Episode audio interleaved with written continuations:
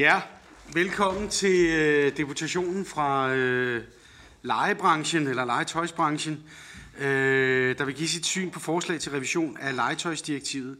Og deputationen består af Ole Hammer, der er formand, Bettina Schønning, som er sekretariatchef, og Jon Vastrup, som er sikkerhedskonsulent. Det er sådan i forhold til de her øh, møder, at I har 15 minutter.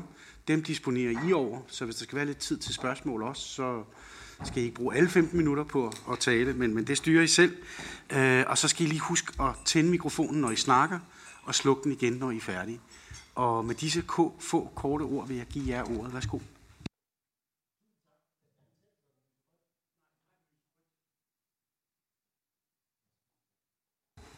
Men tusind tak.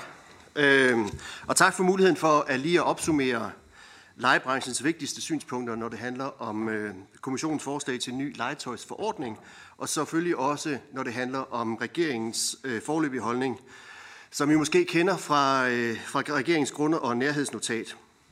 Øh, legebranchen, bare lige for at tage det, er jo en lille brancheforening, som, øh, som består af etiske virksomheder, der enten selv producerer, importerer eller øh, sælger legetøj til danske forbrugere. Vi arbejder generelt for at højne kvaliteten og sikkerheden af, af legeprodukter i Danmark. Blandt andet ved at sikre øh, til stadighed, øh, at vores medlemmer overholder øh, reglerne. Så, det, så det, det der med regeloverholdelse er noget, som betyder rigtig meget for os. Øh, vi består af øh, alt fra meget store medlemmer, øh, Lego, som jeg selv kommer fra, øh, er et af dem, Selling Group, og så er der helt ned til meget små medlemmer, som enkeltmandsvirksomheder, enkeltmandslegetøjsforretninger osv. Bare for, for lige for at, at sætte det sådan et, øh, som bagtæppe. For så vidt angår legetøjsforordningen, øh, vil, jeg, vil jeg sådan lige tillade mig at komme med fire opfordringer til, hvordan vi mener I øh, som udvalg burde øh, dirigere regeringen øh, for, i forhold til de kommende forhandlinger i rådet. Lad mig, lad mig lige starte med formålet for revisionen. Øh, det eksisterende legetøjsdirektiv er, som kommissionen ser det, ikke godt nok til at beskytte øh, børn tilstrækkeligt, og, øh, og, og der er for meget ulovligt legetøj i EU. Og det er jo faktisk noget, som vi generelt set er enige i. Og derfor har vi, sådan, har vi også budt øh, revisionen velkommen. Øh, vi er enige i, at visse kemikaliekrav øh, for det, i det gældende legetøjsdirektiv simpelthen ikke er, er stærke nok. Vi øh, for eksempel, at grænseværdierne for særligt nitrosaminer og CMR-stoffer, som øh, I måske ved, altså de her kraftfremkaldende, mutagene og reproduktionstoksiske stoffer, at de grænseværdier simpelthen er for høje i dag. Vi mener også, at øh, hormonforstyrrende stoffer, der påvirker mennesker, øh, også skal klassificeres på samme niveau som, som CMR-stofferne. Og så mener vi sådan set også, at, øh, at grænseværdier for, øh, for øh, indhold i legetøj til børn over tre års løbende bør kunne revideres. Det er noget af det, der ligger i forslaget, og, og det, er, det er vi glade for. Men kommissionens forslag indeholder også en række øh, yderligere krav, som det hverken er umuligt, eller det er muligt at kontrollere, eller for den øh, sags skyld at dokumentere overholdelsen af. Og det er det, at det bliver sådan lidt øh, svært at håndtere. Øh, det drejer sig særligt om forbud imod tilsætning af visse stoffer uden en nedre grænseværdi, altså en, en nulværdi. Og der må vi bare sige, at de detektionsmuligheder, vi har i dag, jo øh, alle sammen arbejder med en nedre værdi, og derfor kan vi aldrig nå dertil, hvor vi kan dokumentere øh, nul indhold. Og derfor det bliver det bliver svært at, at, at dokumentere. Ikke? Derudover indeholder forslaget også et krav om, at legetøj ikke må skade børns mentale og psykiske øh, sundhed. Og det ved vi simpelthen ikke, hvad det betyder.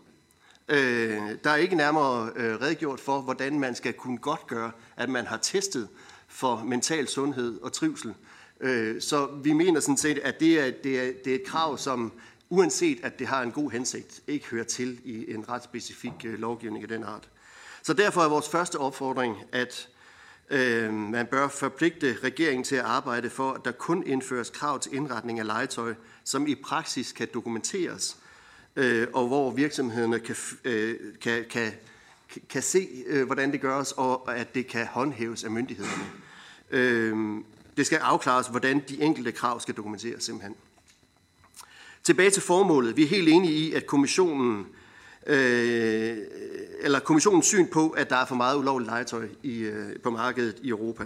Men vi er ret skeptiske over for kommissionsforslag, og i særdeleshed de yderligere forslag, som kommer fra regeringen i den her sammenhæng, faktisk vil skabe forbedring for børns sikkerhed.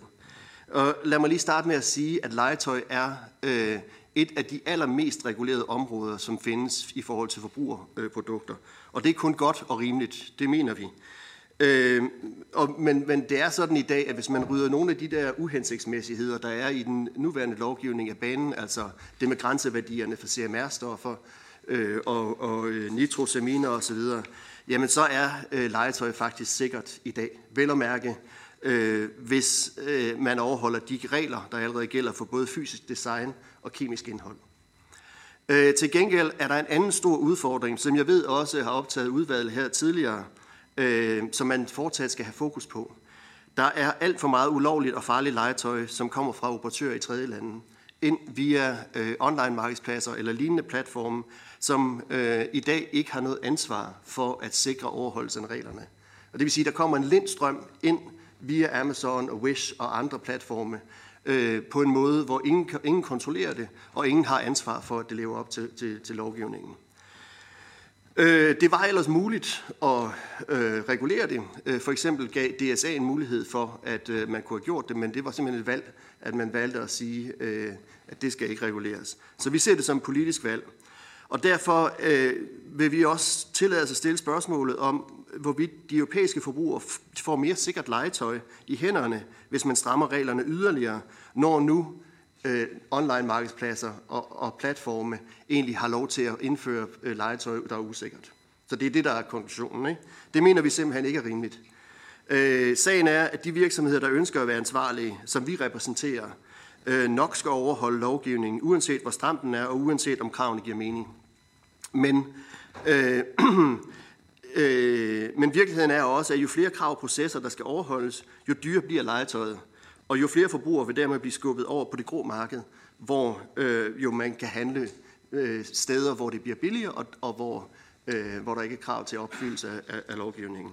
Så det er vores anden opfordring til jer her i dag er, at øh, man bør forpligte regeringen til at arbejde for, at online-markedspladser og lignende platforme skal være ansvarlige for at sikre, at der er valid og korrekt dokumentation for, at legetøjet opfylder, legetøjet opfylder legetøjsforordningens krav, når de formidler legetøj fra tredje lande uden for EU. Nu til regeringens oplæg til forhandling, fordi regeringen lægger op til, at der i tillæg til de forslag, som kommissionen er kommet med, blandt andet skal arbejdes for, at flere farlige kemikalier, som ikke har direkte relevans for børns sikkerhed og sundhed, som jo er det øh, legetøjsdirektivet, legetøjsforordningen handler om, øh, skal omfattes af generelle forbud. Øh, og to, at der indføres en pligt til at deklarere kemikalier på legetøj, som er kemiske blandinger. Legetøj er som nævnt en af de hårdeste, hårdest regulerede produktgrupper i EU, og der er allerede et meget højt beskyttelsesniveau, når, det gemmer, når, når, når man sammenligner med andre produktgrupper. Øh, og der vil jeg bare sige, altså det som børn i, til daglig er i kontakt med, øh, sengetøj, øh, sengetøj, børnetøj, elektronik osv., lever ikke op til de krav. Øh, alligevel vil vi sådan set gerne støtte, at der kommer deklarationer på, når det handler om kemisk legetøj. Der er noget legetøj, for eksempel slim, sæbebobler og andre ting, hvor man jo kan komme i direkte kontakt med kemien. Øh, og der giver det god mening, at der er en eller anden form for deklaration på, på produkterne. Men det kræver, at deklarationen øh, øh, giver mening for den almindelige borger, og man ikke behøver en, en kandidatgrad i kemi for at kunne forstå den. Øh, og der afsættes tilstrækkelige midler til også at effektivt gennemføre markedskontrol, at deklarationerne er korrekte og ægte. Øh, regeringen ønsker også at lade flere stoffer være omfattet af det generelle forbud, der, øh, og det, der mener vi imidlertid, at det er uproportionalt og konkurrenceforvridende. Øh, for det skal igen understreges, at alt det legetøj, der i forvejen skal gennemgå en stor risikovurdering, også vurderes kemisk.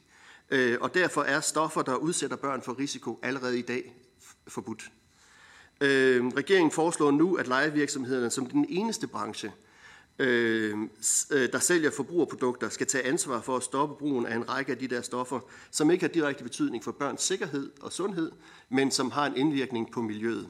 Og selvom vi er enige i, at vi skal beskytte miljøet, øh, øh, miljøet og vi øh, for den sags skyld også skal regulere indhold, så mener vi ikke, at det skal være i en specifik lovgivning, at det hører til, men det skal være generelt. For eksempel i REACH-lovgivningen, så det dækker alle forbrugerprodukter. Øh, så det er vores tredje opfordring øh, til udvalget, at man bør forpligte regeringen til at vente med at arbejde for yderligere restriktioner af kemisk, øh, kemiske stoffer, til det kan ske i en horisontal regulering, der gælder for alle forbrugerprodukter. Og hvis reguleringen ønsker øh, at arbejde for deklarationer øh, på øh, kemisk legetøj, som vi er jo enige i, så skal det gøres på en måde, som giver mening, øh, så både så vi kan kontrollere det, så, øh, og, og at myndighederne kan kontrollere det, og og at deklarationerne kan forstås af almindelige mennesker. Som I ved, øh, er øh, det et nationalt anlæggende at håndhæve EU-reglerne. Og det ligger øh, legebranchen meget på sinde, at håndhævelsen af legetøjsreglerne er både effektiv, så den rammer de virksomheder i Danmark, som ikke ønsker at overholde sikkerhedsreglerne, og at håndhævelsen er proportional og risikobaseret. Øhm, vi har jo noteret os, at der ikke er allokeret mærkbare flere ressourcer til kemikalieinspektionen i Danmark de sidste mange år, og at kemikalieinspektionen, som jo har ansvar for al kemikaliekontrol øh, eller kontrol med lovgivningen i Danmark, har 20 medarbejdere. De har simpelthen ikke ressourcer til at øh, gennemføre den markedsovervågning, som er nødvendig i dag. Og når nu øh, regeringen så foreslår vidtgående stramninger af kemikaliereguleringer, uden samtidig at tilføre yderligere ressourcer til inspektion, så mener vi øh, i virkeligheden, at det ikke hænger sammen. Øhm, øh, det, og det er måske bare lige et sådan arbejde at vi øh, gerne lige vil sige, at, at vi mener, at markedsovervågning er essentielt vigtig, men den skal gennemføres af myndigheder. Der har været tradition for, at, at øh, Forbrugerrådet Tænk har overtaget en del af det. Og der mener vi bare af hensyn til både kompetencer og kvalitet, at man skal sikre, at det er myndigheder, der gennemfører den form for inspektion, og, øh, og det i øvrigt øh, ikke overlades til en NGO. Så det er så opfordringen, den sidste øh, opfordring, og så er jeg færdig, øh, at udvalget under alle omstændigheder bør pålægge regeringen at sikre, at der afsættes mærkbare flere midler til effektiv og grundig kontrol af legetøjsreglerne, og det, øh, det er afgørende simpelthen, at den her kontrol øh, udføres af myndigheder og udføres proportionalt risikobaseret med henblik på at ramme de virksomheder, som faktisk ikke ønsker at overholde lovgivningen, og de produkter, som er til størst skade for børn. Så det var ordet. Tak for det. Vi har lige et, øh, en, en enkelt spørger. Søren Søndergaard. Og bagefter til Riste Kavinius. Vi samler lige spørgsmålene op. Så Christian skrev sig vist også på. Så Christian Friis Bakker. Vi tager en hurtig spørgerunde. Værsgo, Søren. Øh, jeg er fuldstændig enig i, at det, det kæmpe problem, vi har oplevet, det via online-platformene. Så siger du, at det er et politisk valg, at man har valgt ikke at regulere dem, og det er jo fuldstændig korrekt. Men har I nogen fornemmelse af, hvorfor har man valgt at øh, ikke regulere dem? Christian Friis Bak, hvis I lige samler op på spørgsmålet. Christian Friis. Nå, ja, mit var sådan set, om I kunne beskrive lidt det europæiske billede her. Er der har I en europæisk organisation, brancheorganisation, øh, og ligger I på linje med dem, eller er der store europæiske forskelle i, hvordan man øh, tilgår det her fra branchen? Og til sidst, Therese Gavinius, værsgo. Tak, tak for øh, jeres øh, kommentar og jeres øh, input. Øh, det, jeg synes, det, det I nævner, det her det med, at øh, i forhold til de nedre grænser og i forhold til børns mentale sundhed, det, jeg synes, det er interessant ved den her forordning, er jo netop, at man siger, når vi laver lidt en omvendt bevisbørsen, bare hvis der er en risiko, så bliver vi nødt til at sørge for, at vi har børn og sikkerhed i mente, og så er det ikke om, at man skal ikke have bevist, at det de ikke påvirker dem. Så det er i hvert fald bare det, jeg personligt synes er meget stærkt ved det her forslag. I forhold til det her med øh, øh, øh noget, der kommer fra tredje land, ved vi noget om størrelsesforholdene i forhold til, hvor meget af det legetøj, der kommer ind gennem online-platforme, i forhold til, hvad der bliver købt øh, på europæisk plan, bare så man har lidt et øh, størrelsesforhold. Tak. Yes, så får I muligheden for at svare og runde af.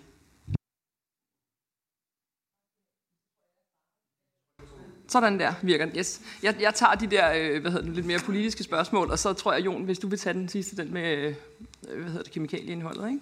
Ja, øhm, altså vi var jo her, eller jeg var her i Europaudvalget her for, jeg tror efterhånden det to år siden, og fortælle omkring DSA'en, og hvordan vi øh, både fra dansk erhvervsside og fra legebranchens side så på det her med, at man øh, valgte at behandle de her online markedspladser, som jo formidler fysiske produkter øh, på linje med Facebook og de andre, hvor man havde et hensyn at tage til ytringsfriheden. Øh, og det var vi jo stærkt fortørnet over, fordi vi ikke mener, at, det, øh, at de to ting overhovedet er sammenlignelige. Øh, men det man gjorde i DSA'en, det var jo, øh, hvad hedder det nu, nede Christel Schaldemose, der var, øh, hvad hedder det ordfører i øh, rapportør fra Europaparlamentet, hun kæmpede en brav kamp, øh, skal vi sige tak til hende for det. Men øh, det, det blev sådan, at øh, de som udgangspunkt nyder den her ansvarsfrihed som formidler. Øh, det, der sker helt konkret, det er jo, at man har en masse sælgere ude i, øh, hvad hedder det nu, øh, ude i Kina, ude i alle mulige steder, som gerne vil sælge deres ting. Og som Jon, som tidligere har været kvalitetsansvarlig ved det gamle toptøj, han ved, så er der rigtig mange, der tilbyder sig, når man kommer ud og, og skal hvad hedder det, importere legetøj derude. Øhm, og, og, og alle de her bliver sorteret fra, når man importerer varerne korrekt, eller hvad man skal sige på den traditionelle vis via container. Det, de bliver ikke sorteret fra, når man har en online markedsplads, fordi de har fri adgang til at komme ind, og online markedspladsen har ikke et incitament til at stoppe det øh, fordi de ikke har ansvaret, ligesom en importør har. Så det er der hele problemet ligger. Det var det, vi forsøgte at få igennem DSA'en, det fik vi ikke. Øh, og en af begrundelserne var, da vi sådan virkelig spidsede til til sidst i den politiske situation, det var, at det kunne vi altid gøre senere. Øh, fordi det her var jo meget specifikt. Det handlede jo om øh, generelt produktsikkerhed, det handlede om legetøj, det handlede om øh, rengøringsmidler og alt muligt andet, der var. Det kunne vi bare sørge for at få klaret der. Det, der så sker helt praktisk, det er, at den enhed i kommissionen, som har øh, ansvaret for den digitale lovgivning, presser, presser, presser ned over de andre direktorater, som har deres sikkerhedslovgivninger i deres direktorater, og siger, at de her principper, de er horisontale, de er nu nogen, vi skal forholde os til. Det her det er et eller andet, der lyder som om det er traktatniveau. Øh, og det har jeg så spurgt til øh, på de møder, jeg selv har haft. Hvad er det for nogle fundamental principles, I taler om, når det er, I siger, at vi ikke kan regulere de her online markedspladser i sektorlovgivning, som er det legetøjsdirektivet blandt andet er. Øhm, og, og så siger jeg, jeg vil godt høre, hvad er det for nogle traktatbestemmelser, vi, vi taler om her, øh, hvad hedder, der er så vigtige, at vi ikke kan regulere dem.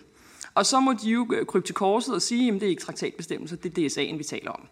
Øhm, så det er, den, det er det, den retorik, der kører, øhm, og det er det, som jeg, altså nu er jeg selv jurist, og det er ikke fordi, jeg vil sige om ikke jurist, men når man hører det, så vil man jo bakke sig tilbage og så sige, jamen så holder vi os selvfølgelig fra det, for det er noget, vi er blevet enige om. Men det er jo ikke noget, vi er blevet enige om på traktatniveau, det er noget, vi er blevet enige om i en lovgivning, som er hierarkisk, fuldstændig på linje. Ja. Øhm, så det er det, man skal være opmærksom på. Så det er muligt. Det er et politisk valg, hvis ikke man regulerer online markedspladser i legetøjsdirektivet. Og når kommissionen siger, at det er det vigtigste for dem, det er, at børns sikkerhed skal ikke trædes under fod, så er det, vi ikke forstår, øh, hvorfor man ikke øh, gør det her. Og jeg vil sige, det er på det punkt, der er hvad den europæiske brancheorganisation, Toy Industries of Europe, fuldstændig på linje med os. Øh, vi har nogle små forskelle, der blandt andet drejer sig om det her med deklarationer, som den danske regering foreslår. Det er noget, som kun den danske øh, nationale brancheforening øh, er indforstået med. Det, det, det vil de andre ikke. Måske, ja. Jeg skal lige slå. Men i forhold til det der med nulindhold og dokumentere øh, risiko eller fravær af risiko, så er det et helt generelt princip i risikovurdering, at det kan ikke lade sig gøre at dokumentere fravær af risiko. Man kan forsøge at kvantificere den risiko, der måtte være, og det skal man jo allerede gøre i dag ved at lave en sikkerhedsvurdering, men man kan aldrig dokumentere, at der er nul risiko, ligesom man heller ikke kan dokumentere, at der er nul indhold af kemikalier øh, i et øh, produkt. Der findes ikke nogen testmetoder, som går ned til 0. Alle testmetoder har en detektionsgrænse. Og det vil jo så gøre, at hvis man pålægger virksomhederne at lave den slags dokumentation, det kan ikke rigtig lade sig gøre, øh, og man kan ikke teste for det, øh, og myndighederne kan heller ikke bagefter håndhæve det, fordi de har jo heller ikke en testmetode, der går ned til 0. Øh, så, så det er ikke rigtig en, fra teknisk synspunkt en gangbar øh, tilgang til, til problemstillingen. Øh, man må sætte et eller andet niveau, og så sige, at det skal være så så sikkert. Øh, og så kan man skrive det ind i lovgivningen. Tak. Tiden løber. En afsluttende bemærkning? Jeg kan lige tage den kort, det var bare på grund af det med procenterne, hvor mange procent af de her ulovlige legetøj kommer ind, det var der en, der spurgte om. Og, og altså, vi ved jo ikke, fordi vi ved ikke, hvor tingene præcis kommer fra, der er ikke nogen, der bliver ikke ført statistik, men når der er blevet lavet undersøgelser på, hvad det er, øh, der bliver solgt på de her online markedspladser, så er der set, at det er meget lavt sat 90 procent af det legetøj, der bliver købt ind øh, fra de her tredje sælgere gennem online markedspladser, som er ulovlige. Øh, og det er i hvert fald ikke en procentsats, der overhovedet svarer til det, som man finder øh, i markedskontrollen i Europa på, den, på de traditionelle øh, virksomheder.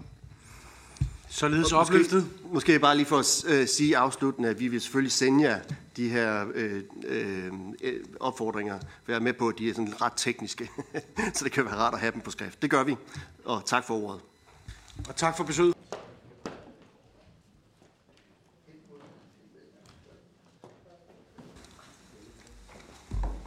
Du har taget nogen med i dag, kan jeg se.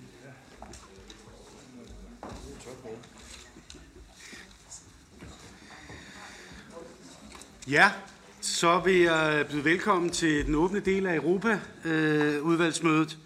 Og øh, det første punkt, vi har på øh, herunder, det er, at, at øh, vi har et rådsmøde omkring økonomi og finans den 9. november. Og jeg vil byde øh, velkommen til økonomiministeren, der vil forelægge rådsmødet for økonomi og finans. Og alle sagerne, de er til orientering. Og ordet er dit, minister. Værsgo. Tak for det. Øh, og det er helt rigtigt, at jeg forelægger Kofin mødes dagsordenen øh, her den 9. november, hvor alle sager de er øh, til orientering, og jeg kan også henvise til samlenotatet. Der er øh, en række ting, jeg gerne lige vil gennemgå, og derfor vil jeg gerne starte med øh, reformen af EU's finanspolitiske regler. ECOFIN skal drøfte reformen af de finanspolitiske regler.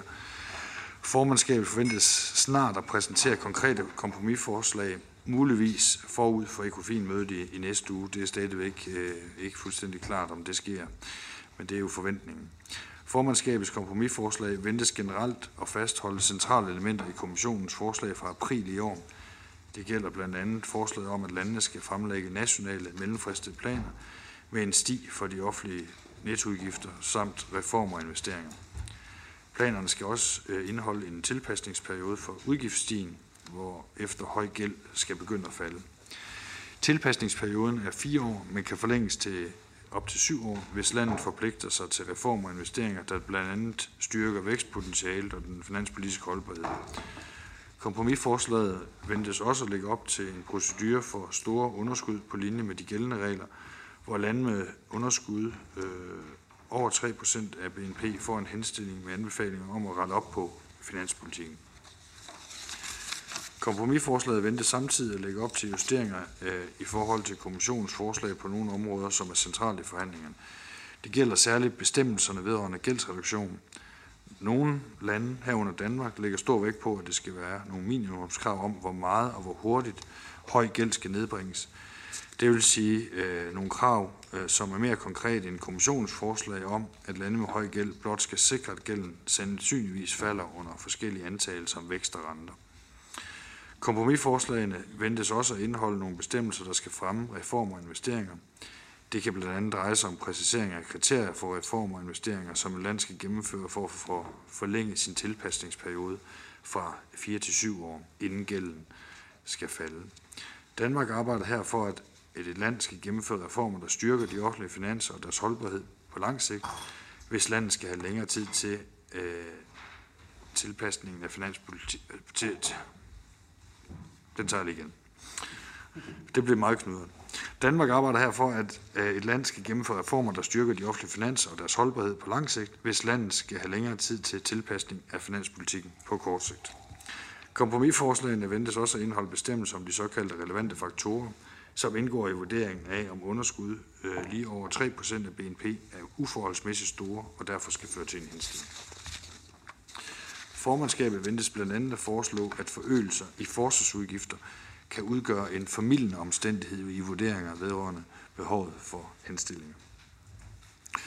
I forhold til den institutionelle balance ventes formandskab blandt andet at lægge op til, at der generelt ikke ændres ved rollen for de uafhængige finanspolitiske institutioner i implementering af reglerne sammenlignet med i dag. Formandskabet vil muligvis også lægge op til justeringer af de foreslåede bestemmelser om håndhævelse af reglerne, det kan blandt andet dreje sig om mere specifikke bestemmelser for brug af kontrolkontoen, der skal registrere afvielser fra udgiftsstigen. For eksempel sådan, at proceduren ved henstillingen automatisk åbnes, hvis et land har flere mindre årlige overskridelser af udgiftslofterne, der tilsammen overskrider en vis grænse. Formandskabet ventes arbejde for fremskridt og om mulig enighed om nogle af de her store spørgsmål på det ECOFIN-møde, øh, som er i næste uge, med henblik øh, på enighed om et samlet kompromisforslag i december måned. Fra den side spiller vi fortsat en konstruktiv rolle i forhandlingerne. Vi har blandt andet foreslået et kompromis på det store spørgsmål om minimumskrav til gældsreduktion i lande med høj gæld, som er mere konkret end kommissionens øh, forslag. Vi har således foreslået, at gælden skal reduceres med 1 til 1,5 procent af BNP per år i gennemsnit over en fireårig periode efter planens tilpasningsperiode, hvor det præcise krav afhænger af især niveauet for landets gæld. Forslaget skal ramme en balance mellem ambition og realisme. Kravet sikrer således en konkret og væsentlig gældsreduktion samt moderate underskud på sigt. Men det giver samtidig landene tid til at lave tilpasninger af deres finanspolitik i form af nogle realistiske udgiftslofter og gennemføre sunde reformer i løbet af tilpasningsperioden, inden minimumskravet til gældsreduktion binder. Ja, en række lande og formandskabet har støttet eller været åbne over for det danske forslag herunder på det seneste øh, ECOFIN-møde. Vi ved ikke, hvordan kompromisforslaget vil se ud på dette centrale punkt, men selve ideen om, at kravene til gældsreduktion skal være konkrete og måles som gennemsnit over en periode, har fået ret bred støtte. Vi vurderer løbende sagen i lyset af udvalgets mandat fra juni måned herunder, når vi ser nogle af kompromisforslagene. Og vi kommer øh, tilbage til sagen her i udvalget inden en eventuel enighed i december. For regeringen er det centralt, at vi får en reform med realistiske ambitiøse regler, der sikrer lavere gæld og sundere offentlige finanser øh, i EU. Og det var så det første punkt, og jeg ved ikke, om man skal dele det op øh, i forhold til de andre punkter, men det tænker jeg, at formanden må vurdere. Jeg, tænker, når det er orienteringssager, så tager vi det hele på en gang. Godt. Så øh, bladrer vi til et nyt kapitel. Så bare mikrofonen tættere på, så man kan så højt. Økonomiske konsekvenser af krigen i Ukraine. ECOFIN skal igen drøfte økonomiske og finansielle aspekter af Ruslands invasion øh, af Ukraine. Vi kender ikke det konkrete fokus for drøftelserne, øh, men et tema kan blive muligheden for at anvende et eventuelt afkast fra i mobiliserede russiske aktiver til at støtte Ukraines genopbygning. På anmodning fra stats- og regeringscheferne pågår øh, der på teknisk niveau i EU et arbejde med at kortlægge juridisk gangbare muligheder for at anvende afkastet fra i mobiliserede aktiver. Der er endnu ikke konkluderet på dette arbejde. Det sker i koordination med internationale partnere, særligt i G7-regi. Det er også muligt, at man gør status på EU's finansielle assistance til Ukraine. Forslaget om en Ukraine-facilitet på 50 milliarder euro forhandles aktuelt som led i midtvejsevalueringen af EU's flereårige finansielle ramme, altså MFF'en. Regeringen støtter, at der findes løsninger på at anvende immobiliserede russiske aktiver til at støtte genopbygningen i Ukraine, ligesom vi også støtter forslaget om en Ukraine-facilitet øh, på de her 50 milliarder euro. Det bringer mig videre til det næste, som er implementering af genopretningsfaciliteten. ECOFIN skal godkende reviderede rådsbeslutninger om opdaterede genopretningsplaner øh, for fire lande. Det er Danmark, Litauen, Sverige og Østrig. Alle planer indeholder et Repower EU-kapitel med tiltag, der skal styrke landenes uafhængighed af russiske fossile brændsler. Kommissionen øh, tildeler en samlet positiv vurdering til hver af de fire planer, herunder især de fastsatte vurderingskriterier. Det gælder blandt andet krav vedrørende klimatiltag og do no øh, significant harm-princippet som opfølging på landeanbefalinger under det europæiske semester. Det konkluderes ligeledes, at landenes repower-kapitel generelt ventes at bidrage effektivt til energisikkerheden i EU og også diversificeringen af EU's energiforsyning. Endelig er det værd at nævne, at kommissionen har lagt op til nye eller reviderede revisions- og kontrol milepæle i genopretningsplanerne for Østrig, Sverige og Danmark. Det er vigtigt med stærke systemer for kontrol med EU-midler i de enkelte lande, og regeringen vil arbejde for at indfri disse nye milepæle i den danske plan. Regeringen kan derfor på basis af det generelle mandat fra Europaudvalget af 12. maj 2023 tilslutte sig rådsbeslutningerne, som der ventes bred støtte til i ECOFIN. I forhold til, den, til det nærmere indhold af den danske reviderede plan, forstår jeg, at finansministeren i marts deltog i en drøftelse i Europaudvalget og Klima-, Energi- og Forsyningsudvalgets fælles arbejdsgruppe for EU's klima- og energipolitik, hvor han orienterede om regeringstiltag til det nye Repower EU-kapitel. Arbejdsgruppen blev også orienteret om det danske Re, øh, Repower EU-kapitel forud for offentliggørelsen den 31. maj. Og så er der det sidste, som er revisionsrettens årsberetning for øh, 2022. Revisionsretten ventes at præsentere sin årsberetning om EU's øh, budget gennemførelse for regnskabsåret 2022. Det er Europaparlamentet træffer afgørelse om charge til kommissionen, det vil sige godkendelse af budgetgennemførsel. For inden giver rådet en henstilling til Europaparlamentet med bemærkninger, som kommissionen skal følge op på. ECOFIN ventes at vedtage denne henstilling om det charge næste år øh, i marts. Revisionsretten giver for 16 år i træk en positiv erklæring om regnskabernes rigtighed og konkluderer dermed, at regnskabet i al væsentlighed er retvisende. Revisionsretten giver ligeledes en positiv erklæring om EU's indtægter. I revisionsrettens undersøgelse af de bagvedlægte transaktioner er billedet dog lidt mere øh, kritisk, faktisk væsentligt mere kritisk. Revisionsretten estimerer, at fejlforekomsten i betalinger fra EU-budgettet udgør 4,2 procent i 2022. Det er en stor stigning fra 2021, hvor fejlforekomsten var 3%. På baggrund af fejlforekomsten giver revisionsretten for fjerde år i træk en negativ erklæring om udgifternes øh, lovlighed og rigtighed. Retten giver derudover en erklæring med forbehold om genopretningsfaciliteten. Retten vurderer, at der er problemer med opfyldelse af 15 ud af 281 mål og milepæle, som indgår i revisionen. Regeringen finder det endda meget utilfredsstillende, at den overordnede fejlrate igen er sted og fortsat er over øh, væsentlighedstærsken på 2%. Fejlraten er nu på det højeste niveau i 8 år, hvilket regeringen naturligvis ser på med meget stor alvor. Vi finder det ligeledes utilfredsstillende, at revisionsretten har afgivet en erklæring med forbehold for udgifterne under genopretningsfaciliteten. Jeg forelægger sagen her til orientering, da præsentationen er på dagsordenen til ECOFIN. Jeg forventer dog ikke nogen substantiel drøftelse øh, til ECOFIN-mødet i næste uge. Indholdet af henstillingen kendes heller ikke på nuværende tidspunkt. Finansministeren vil senere, formentlig i begyndelsen af det nye år, forelægge et forhandlingsoplæg om, om sagen. Og så øh, siden sidst øh, vil jeg også orientere om øh, skattesager og finansielle sager, som vil blive forelagt udvalget med henblik på forhandlingsoplæg forud for et kommende rådsmøde. Det drejer sig om et forslag om moms i den digitale tidsalder, som skal tilpasse momsregler i EU til en stigende digitalisering af økonomien. Et forslag, som skal sikre, at investorer i EU hurtigere og mere sikkert får refusion af udbytteskat, når den umiddelbart opkrævede udbytteskat overstiger den korrekte beskatning af grænseoverskridende investeringer. Et forslag om digital euro, som skal sikre bred adgang til et simpelt, sikkert, billigt digitalt betalingsmiddel i øjelandene, og som er udstedt af den europæiske centralbank. Et forslag om at reducere byrder forbundet med brug af finansielle benchmarks.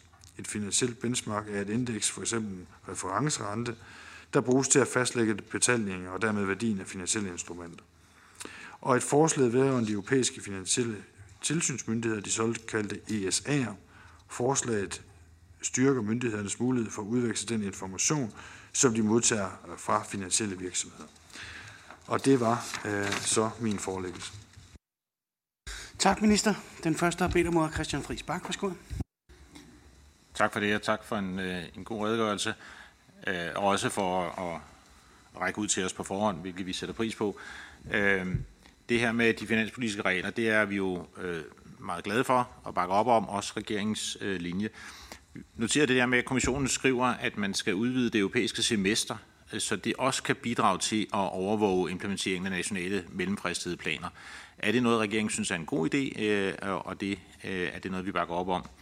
Øh, og så vil jeg bare høre ministerens vurdering af en hurtig enhed på det her punkt, fordi som vi jo har drøftet, så er det her noget, som potentielt øh, kan være vigtigt i en tid, hvor vi rækker ind i en økonomisk øh, krise og et Europaparlamentsvalg. Kan vi gøre noget for at fremskynde processen med at opnå enighed? På Ukraine, der vil jeg høre ministeren, om der er nogen, om man vurderer, hvis man går frem, hvis man går frem med det her med at inddrage og konfiskere russiske øh, midler, kan det give øh, en risiko for, at eventuelt bundne midler fra danske europæiske virksomheder i Rusland øh, også kan komme i fare. De har jo lovet at retaliere. Øh, Øh, hvis vi rører russiske midler, så vil de røre europæiske eller EU-midler. Øh, og er der nogen vurdering af, om der er nogen midler bundet hos danske virksomheder øh, derovre, som kan komme i fare? Og så revisionsretten vil jeg sige, det er jo... Øh, stærkt utilfredsstillende, og vi håber, at regeringen vil lægge afgørende vægt på, at det er stærkt utilfredsstillende. Øh, og, det er, øh, og det er jo meget uheldigt, øh, at det også sker, ikke fordi at det handler om politik, men øh, op til et Europaparlamentsvalg, og derfor vil jeg høre, om regeringen vil udfærdige et meget grundigt notat omkring, øh, hvad det er, der gør det her, som vi kunne få oversendt, så altså, vi kan forstå det. Der kan jo være nogle formidlende omstændigheder. Det er jo ikke kun, fordi man har taget kassen. Det kan jo også være, øh, fordi man er kommet til at øh, og kontere forkert i første omgang, og det, er i virkeligheden meget rigtig udbetaling, men den var beskrevet på en øh, forunderlig måde måske. Øh, men det vil være rigtig nyttigt at få et, et, et lidt grundigt notat om, hvad det er, der går galt her, for det er jo stærkt øh, utilfredsstillende, som ministeren også sagde det. Og så lige bare på digitale, den digitale euro noterede jeg bare lige. Øh, får det betydning for Danmark? Og det er noget, der kan anvendes i Danmark? Søren Søndergaard. Ja, det er, jo, det er jo altid en festdag, når revisionsretten kommer med sin beretning over, hvordan EU administrerer sine penge. Altså, jeg, jeg forstår fuldstændig, at regeringen glæder sig over, at øh, tallene er lagt rigtigt sammen i regnskabet. Øhm, og, og, og det glæder jeg mig også over. Altså, jeg ville have været stærkt bekymret, hvis man havde konstateret 2 og 2 og 5. Så, så lad os holde fast i det positive. Tallene er lagt rigtigt sammen. Ikke? Og det er virkelig godt, ikke? Og derefter så er det jo bare katastrofen, ikke? Altså 40 procents stigning siden sidste gang. Måske ministeren kan oplyse, hvis nu den stigningstakt fortsætter, hvor mange år går der så, før samtlige udgifter i EU er fejlbehæftet? At der går ikke særlig mange år, vil jeg bare gøre opmærksom på. Jeg har prøvet at regne det efter. Øh, og øh, det, der jo er det alvorlige ved det, det er jo, at øh, det er sket på baggrund af, at man har sagt, at der var forbedring undervejs. Øh, og de sidste to år i hvert fald, der er det gået den forkerte retning. Ikke? Tre år er det gået den forkerte retning. Og der har vi påtalt og sagt, gør nu noget. Øh, og jeg ved ikke, hvad man har gjort, men nu kan vi bare konstatere, at det går endnu mere i den forkerte retning. Det vil sige, det er ikke sådan, at det er gået nedad, og så lige pludselig, så sker der et eller andet. Nej, nej, man har haft tre års advarsel om, det gik den forkerte retning, og nu er det så bare eksploderet. Og derfor så synes jeg jo, at det her handler jo også om regeringen, ikke nødvendigvis den nuværende minister, og dog, øh, hvis vi går tilstrækkeligt langt tilbage, men, men det handler jo om regeringer gennem en årrække, som jo reelt ikke har taget det her problem alvorligt. Og derfor så kunne jeg godt, altså, hvad er ministerens egen refleksion? Jeg ved godt, vi skal have mandatet på et senere tidspunkt, men hvad er ministerens egen øh, refleksion over det? Altså, vi har jo siddet i det her udvalg og sagt, nogle af os har sagt til ministeren, Danmark må sige klart fra. Danmark må stemme imod og give dit start til et budget, der er så fejlbehæftet, især når det går i den forkerte retning. Og så har vi fået at vide, ja, men nu bliver der gjort noget, og så videre, og så videre, og så videre. Og nu ser vi så resultatet. Altså, der kan regeringen jo ikke afskrive sig sit ansvar. Altså, fordi regeringen har jo været med til alle de foregående år at acceptere, at den her proces øh, kørte videre. Eller også er det i hvert fald en situation, hvor vi må konstatere, at rådet ikke har nogen som helst indflydelse i EU. Altså, at, at EU-apparatet på en eller anden måde er fuldstændig selvkørende, øh, udenom øh, hvad rådet beslutter. Og det vil jo ikke være en, er en særlig god konklusion. Så altså grundlæggende set, altså hvad, hvad er ministerens egne refleksioner om øh, over denne her udvikling? Tak. Therese Gavinius. Ja, øh, overordnet er det nogle rigtig gode planer i forhold til det med nationale mellemfristede planer, øh, og vi gæld skal nedbringes hurtigt.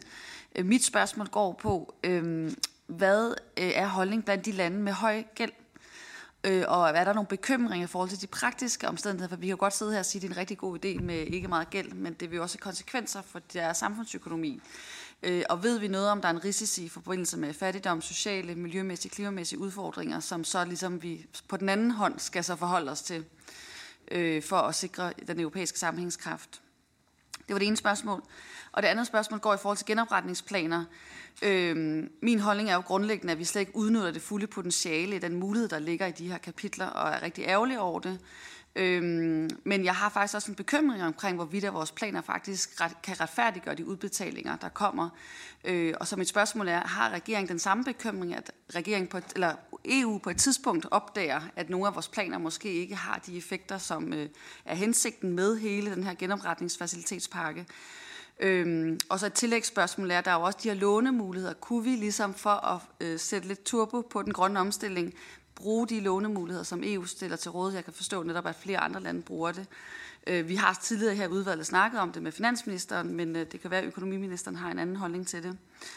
Øh, og så den sidste ting, det her i forhold til med revision Ja, det er jo rigtig bekymrende med mig, meget af alle de her fejl og mangler, øh, og noget af det hænger jo også sammen, synes jeg, i forhold til for eksempel i forhold til genopretningsfacilitetsparken, i forhold til det med den faglige kritik. For det et er ligesom, hvorvidt at pengene bliver udbetalt rigtigt, og pengene er 2 plus 2 er 4, men noget andet er også, hvorvidt, hvorvidt at pengene bliver udbetalt til de rigtige formål.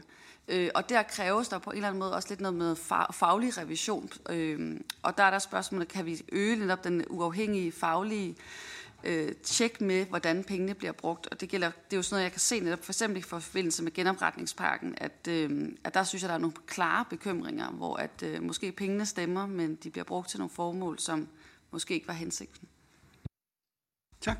Så er det ministeren. Tak for det.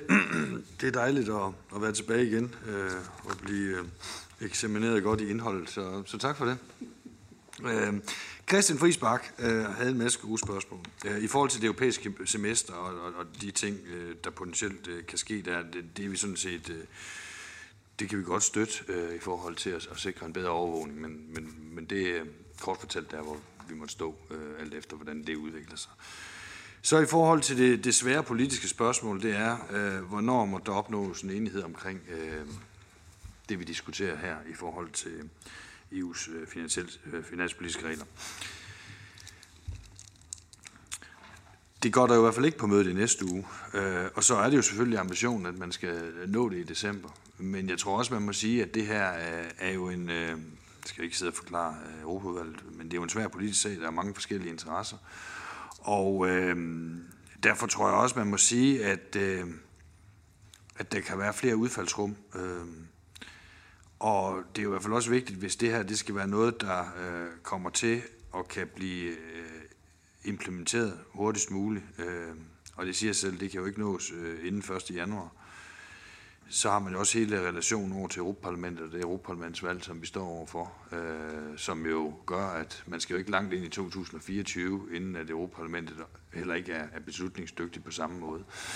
Så øh, jeg, altså, jeg, jeg tænker, at jeg vil have et, et, et bedre indtryk af det øh, efter øh, mødet i næste uge. Øh, og så tror jeg også måske, i og med at det her det er en meget, meget vigtig øh, sag, at så kan vi jo overveje, om jeg ikke skal prøve at lave en skriftlig orientering på det her punkt om, hvordan og ledes jeg vurderer det, øh, så vi ikke skal vente helt frem til ECOFIN-mødet i december for at få den her diskussion, eller for at få den viden. Det synes jeg sådan set vil give god øh, mening at stille den øh, viden til rådighed øh, i, en fortrolig form om, hvordan vi vurderer det, for at, at give det bedst muligt.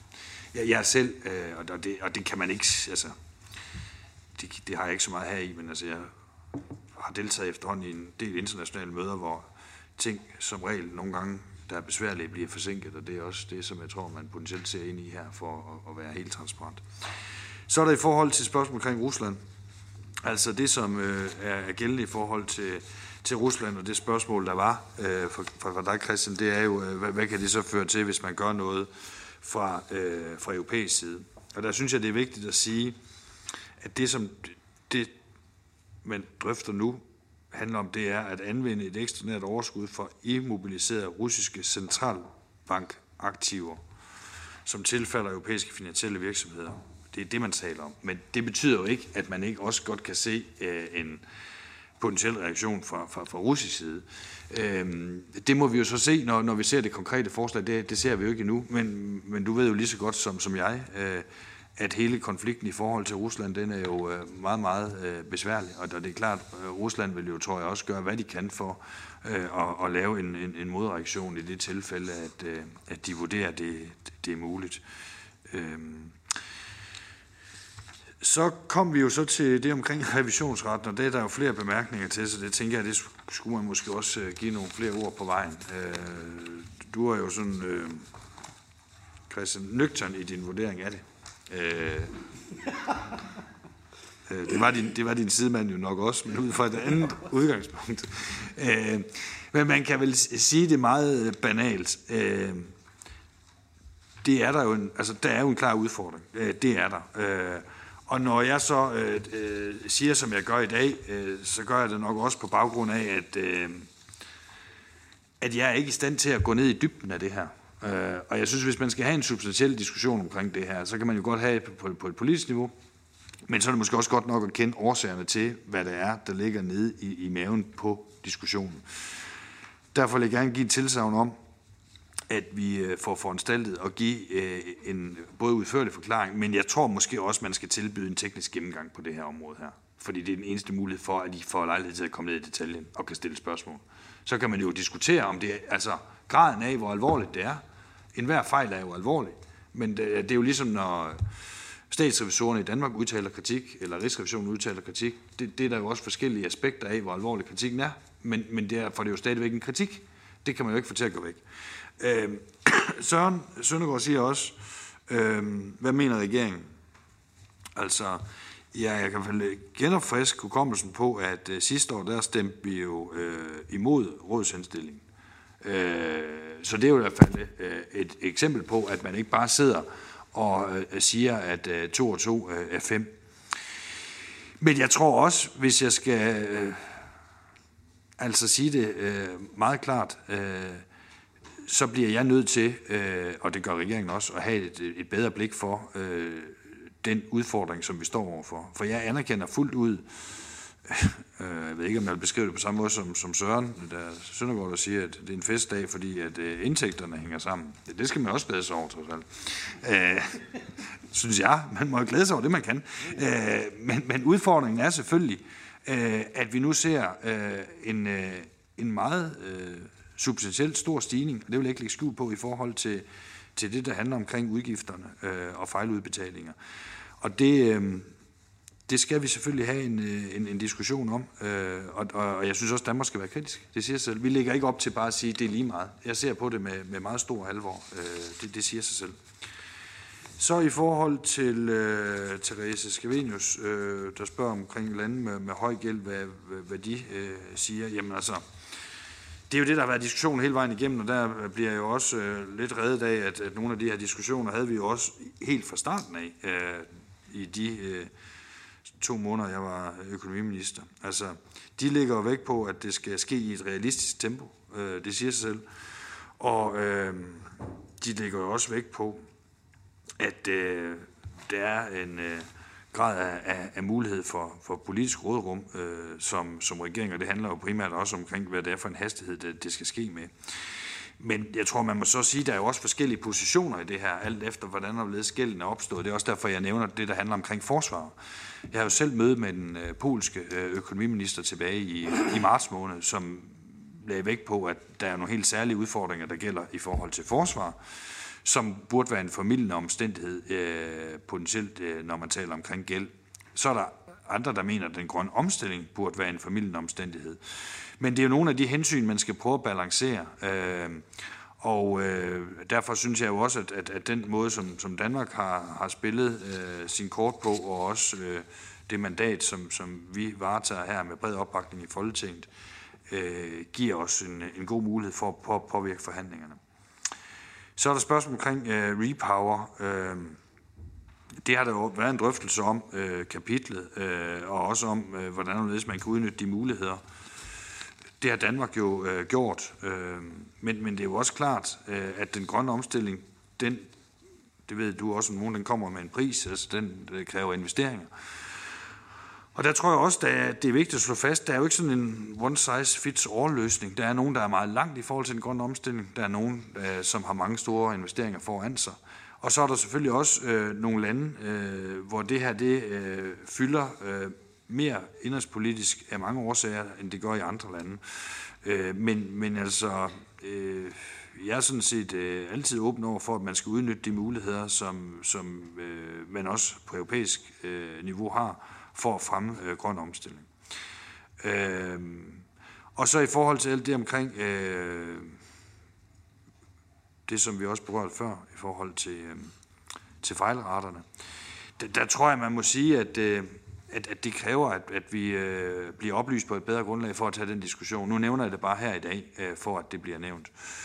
Og så til sidst vil jeg sige, at når jeg, nævnte, eller når jeg nævnte de sidste punkter, som jeg har ridset op, så er det jo fordi, at det er noget, som... Øh, øh, hvad det her, øh, vi kommer tilbage til at diskutere. Så det tænker jeg er bedst, at vi tager en diskussion om det på, på baggrund af de samme notater, som bliver lavet. Tak, minister. Så er det Søren Søndergaard. For det første, jeg anerkender fuldt ud, at regeringen sidste år stemte imod. Men det var jo ikke sidste år, problemerne startede. Og der havde regeringen i en årrække været udmeldt af den mest kritiske blok, som var Sverige og Storbritannien et land mere, som man havde forladt. Øh, men lavpunktet blev nået i 2017. Og siden 2017 er det bare gået i den forkerte retning. Og der vil jeg bare være bekymret, minister, hvis det bliver et spørgsmål om oplysning. Alle tiders at I vil skrive et notat om det. Alle tider så vi får en teknisk gennemgang. Problemet er bare, altså nogle af os har jo, da vi var rapportører på det i EU-parlamentet, haft den tekniske gennemgang. Og det er gået lidt ud over det niveau, hvor det bare handler om at vide, hvorfor tallene er, som de er. Det handler også om, at der bliver nødt til at være en politisk handling for at få det stoppet. Og den er vanskelig, fordi der er lande for hvem, hvad skal vi sige, det ikke gør så meget, at det ikke er så præcist. Og der er befolkningsgrupper. Jeg kan jo ikke påstå, de svindler, men jeg kan påstå, at i hvert fald tidligere, hvor man ikke havde den der areal, arealovervågning med, fra luften, der var det 9 ud af 10, der indgav forkerte oplysninger, der tilfældigvis indgav forkerte oplysninger til den side, hvor de skulle have flere penge, end hvor de skulle have færre. Så der er, jo også, der er jo også et spørgsmål om en politisk vilje til at gå ind og bruge de redskaber, der skal til for at sætte en stopper for det her. Og det gør jo, at der ikke bare, at man ikke bare skal stemme imod, men det gør, at der skal opbygges nogle alliancer, der skal stille nogle forslag frem. Og det er hele den proces, jeg efterlyser, når jeg spørger, hvad regeringen tænker i forhold til det her. Fordi altså, jeg går ikke ud fra, at regeringen vil stemme for det her, når vi kommer til rådets discharge. Øh, øh, hvornår er det engang i foråret, marts eller et eller andet. Ja, det går jeg ikke ud fra, at regeringen vil. Regeringen skal nok komme tilbage til folden og stemme sammen med de andre, der stemmer imod. Men problemet er, at det er for lidt. Fordi nu er vi inde i en, en tendens, som vi risikerer at fortsætte. Det plejer jo at være sådan, at op til valgene plejer der at gå nedad. Så kommer der en ny kommission, så er det lidt højt, og så siger man, at det, er også for, det var den gamle kommission, nu gør vi noget. Men sådan er det jo ikke nu, vel? Altså nu går det faktisk op på et helt forkert tidspunkt. Så, så altså, ministeren behøver sikkert svare på det, men det er bare en opfordring til, at man, fordi det er det i hvert fald, jeg vil rejse, når vi kommer næste gang, den diskussion om, hvad gør vi proaktivt for at få gjort noget ved det her problem, andet end bare selvfølgelig at stemme imod. Ministeren tilbud om ikke at svare. Nu får du tilbud om at svare.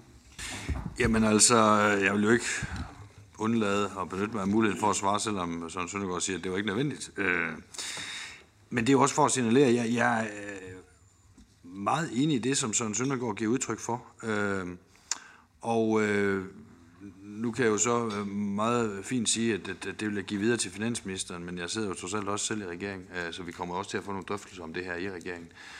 Og jeg mener også, man bliver nødt til af mange forskellige årsager, øh, når vi nu ser det, det skred, som der er tale om, og så også for, for den side at have et endnu tydeligere politisk ståsted her. Øh, og, og jeg anerkender sådan set også, at det ikke kun er nok at vise det øh, gennem, hvor man stemmer, for det er jo helt rigtigt, at regeringen kommer jo uden vi har diskuteret det nu, øh, til selvfølgelig øh, at ligge det sted, som Søren Søndergaard forudsætter. Det vil jeg også tro er det rigtige at gøre. Men det løser jo ikke problemet, øh, fordi en ting er, hvad man siger, der er også brug for nogle konkrete politiske handlinger og gøre noget aktivt for så at lave nogle ting om.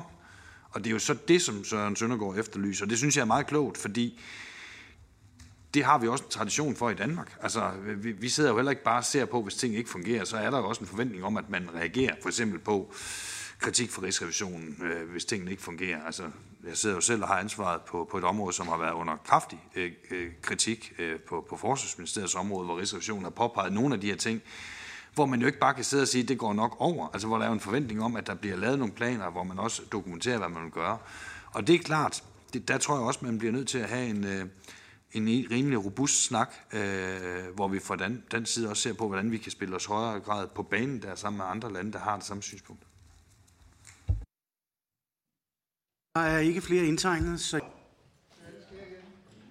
Ja, så vil jeg øh, byde velkommen til finansministeren, der har øh, to sager på. Og den første, vi skal drøfte, det er, jeg, øh, at, at finansministeren vil forelægge rådsmødet for økonomi og finansbudget, der finder sted den 10. november. Og de sager, der er herunder, de er alle sammen til orientering. Værsgo, minister. Tak for det. Øh, det er rigtigt, jeg vil forelægge to punkter til orientering. Og det første punkt vedrører rådsmødet øh, Ekofin Budget, som ganske rigtigt afholdes fredag den 10. november. Jeg forelagde som bekendt EU's 2024-budget til forhandlingsoplæg den 27. juni, og med det mandat i ryggen nåede rådet til enighed om sin position for 2024-budgettet i juli, som jeg orienterede Europaudvalget skriftligt om den 12. juli. Siden da har kommissionen den 9. oktober præsenteret sit ændringsbrev til sit oprindelige 2024 budgetforslag, og jeg vil generelt henvise til det oversendte samlenotat.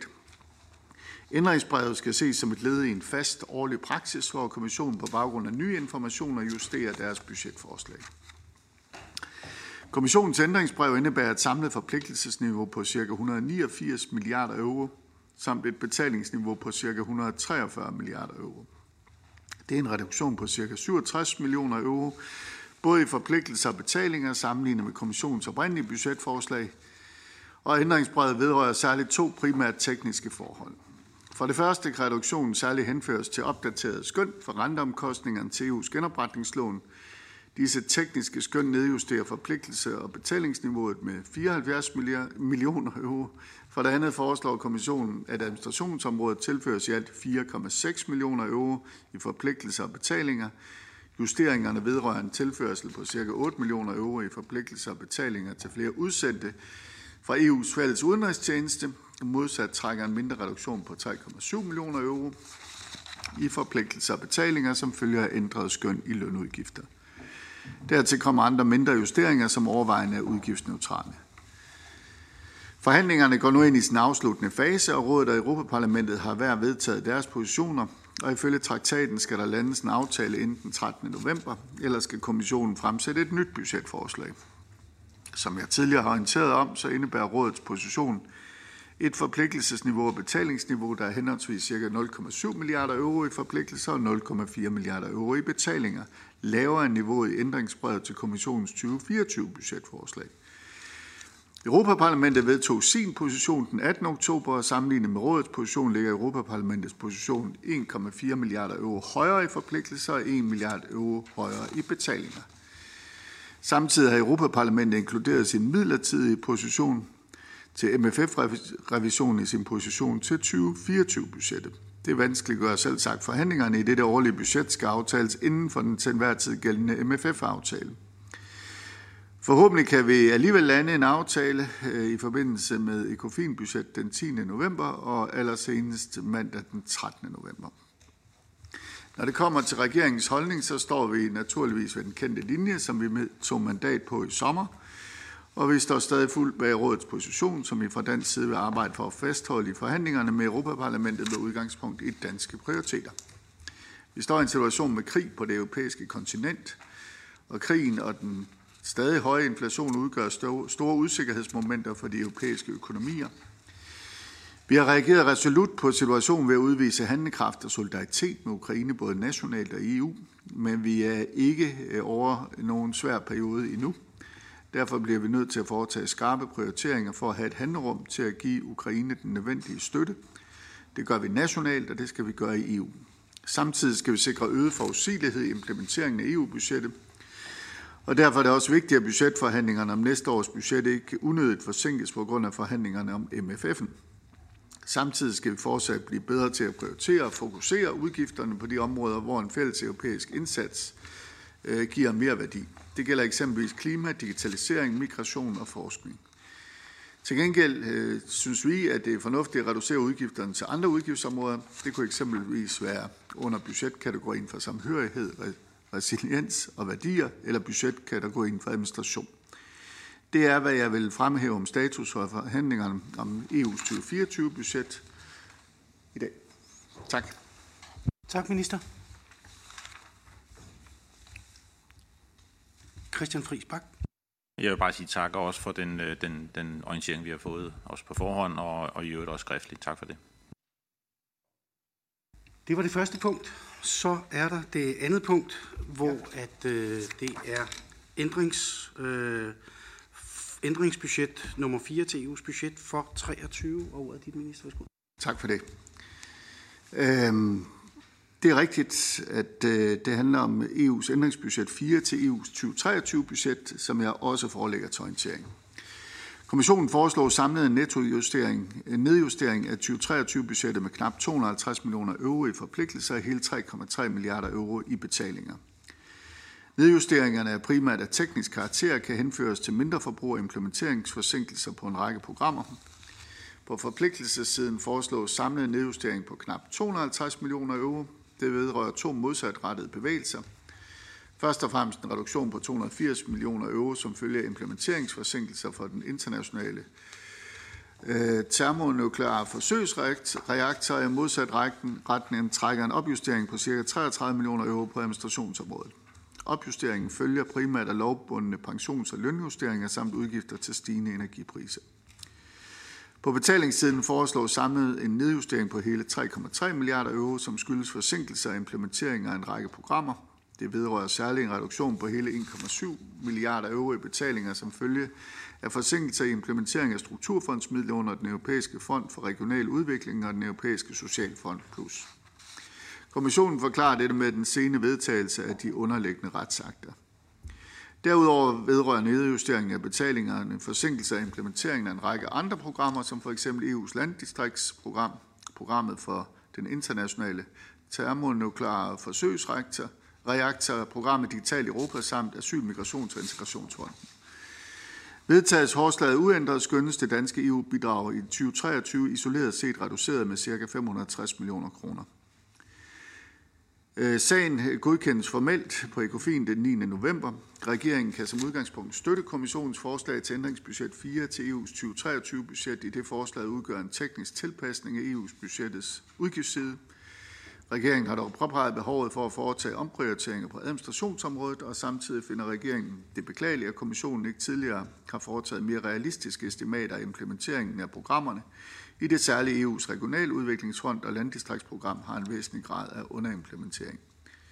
Det var ordene. Minister. Det har været øh, meget effektivt, vil jeg sige.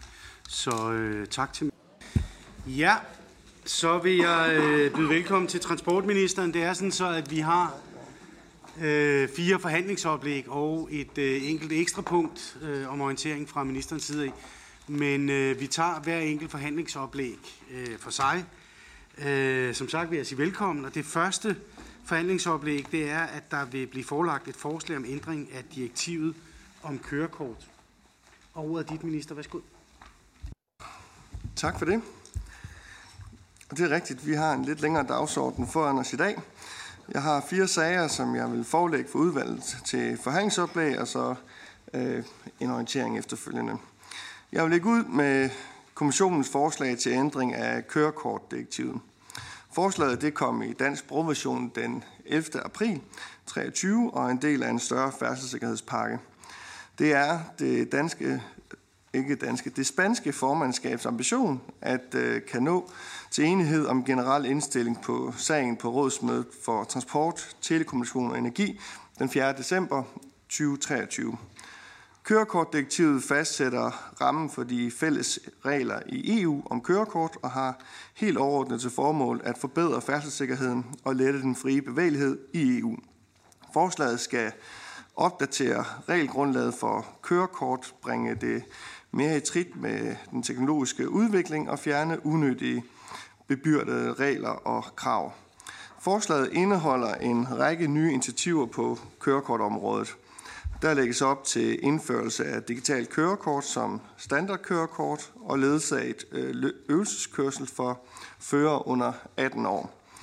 Derudover introducerer et krav om at nedsætte gyldighedstiden for kørekort for personer over 70 år til 5 år, og et krav om, at man udfylder en selverklæring om helbred i forbindelse med ansøgning om kørekort til almindelig bil, motorcykel osv.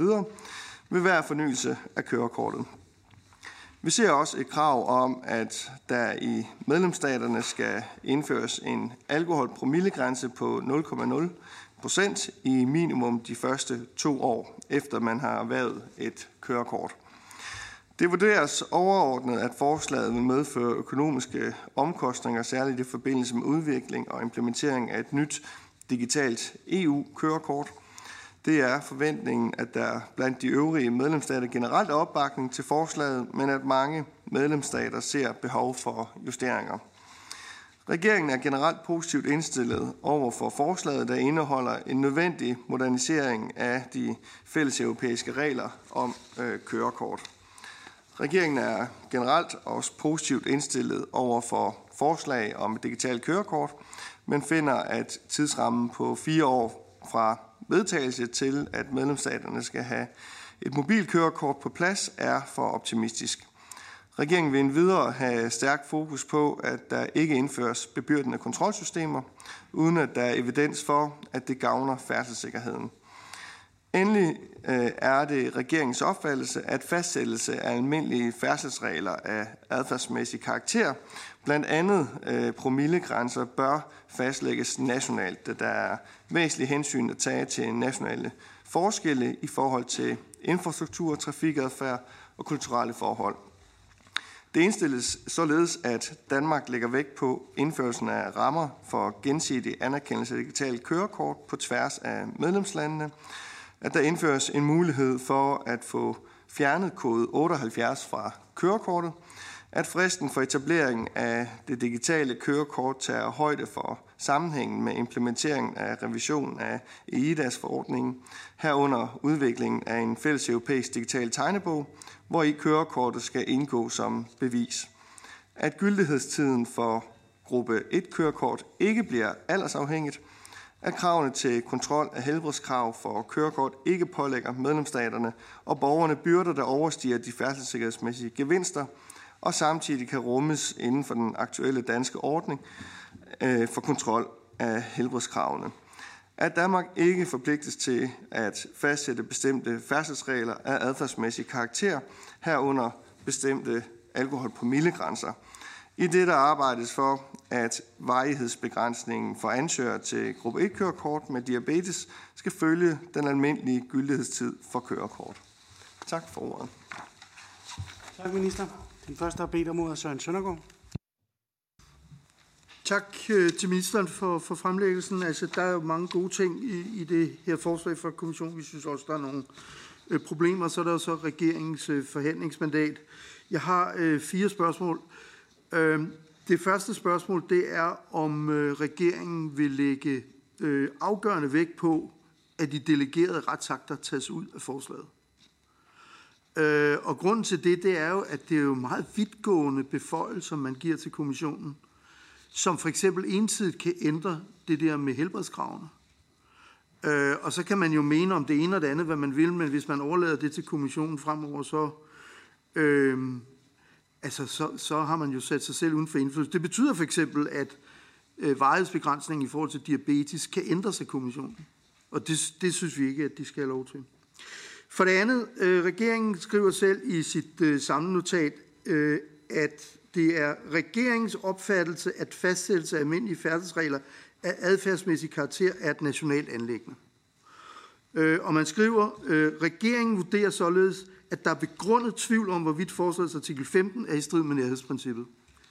Den opfattelse, øh, den øh, deler vi. Men hvad er der artikel 15 omhandler? Ja, den omhandler alkoholpromillegrænse for første grænseværelse af kørekort.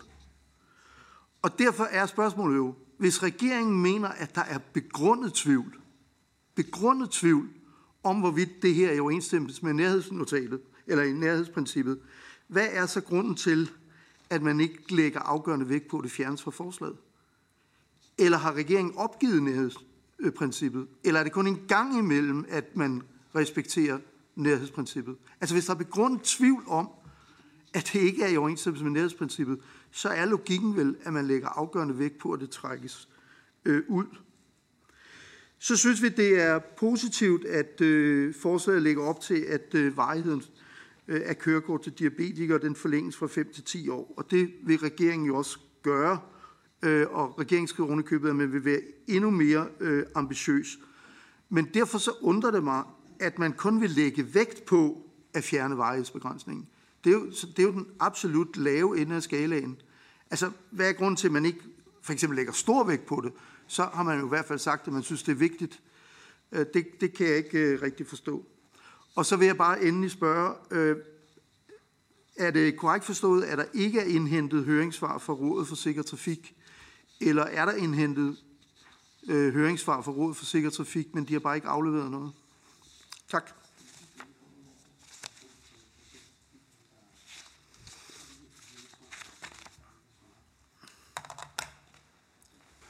Øh, Marianne Bigum.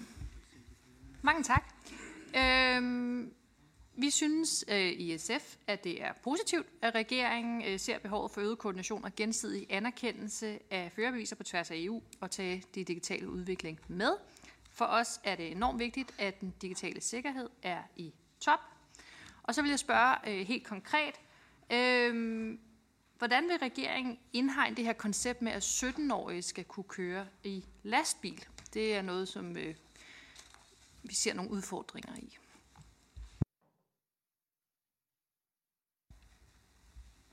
Øh, Christian Friis Bak. Ja, tak for det, og, og tak til ministeren for, for redegørelsen. Øh, jeg vil også bare lige pege, vi, vi kan generelt støtte regeringens linje, men vil også pege på øh, det her med aldersgrænsen for personer, der kører, øh, eller for, for dem, der kører persontransport, buschaufføren osv., der har vi brug for alle gode kræfter, og, og derfor vil vi også stille os kritisk over for det. Og, og så Diabetesforeningen øh, har jo været i kontakt med os alle sammen, og de har jo peget på, at man, hvis man ikke kunne få det her med, med, med vejhedsbegrænsningerne, de bliver udvidet eller helt fjernet for mennesker med diabetes, kunne man så indarbejde noget teknologi i direktivet, og det, det var jeg ikke helt sikker på, at jeg forstod, om, om regeringen ville støtte. Altså sådan så, at hvis man har de her glukose øh, måler, eller hvad de hedder, øh, elektroniske, så bliver man jo overvåget, så kollapser man jo ikke midt i en kørsel, øh, fordi ens glukoseindhold bliver overvåget konstant. Øh, så man kunne, hvis man fik den teknologi ligesom indarbejdet, at, at det kunne sikre, at man så fik fjernet eller udvidet vejhedsbegrænsningerne. Så det var spørgsmålet med deres opbakning. Giver lige ministeren mulighed for at svare på noget af det her? I må hellere følge op igen, hvis jeg ikke får alle spørgsmålene med. Øh, men tak for spørgsmålene. Øh, der blev spurgt indledningsvis afgørende vægt på de delegerede retsakter.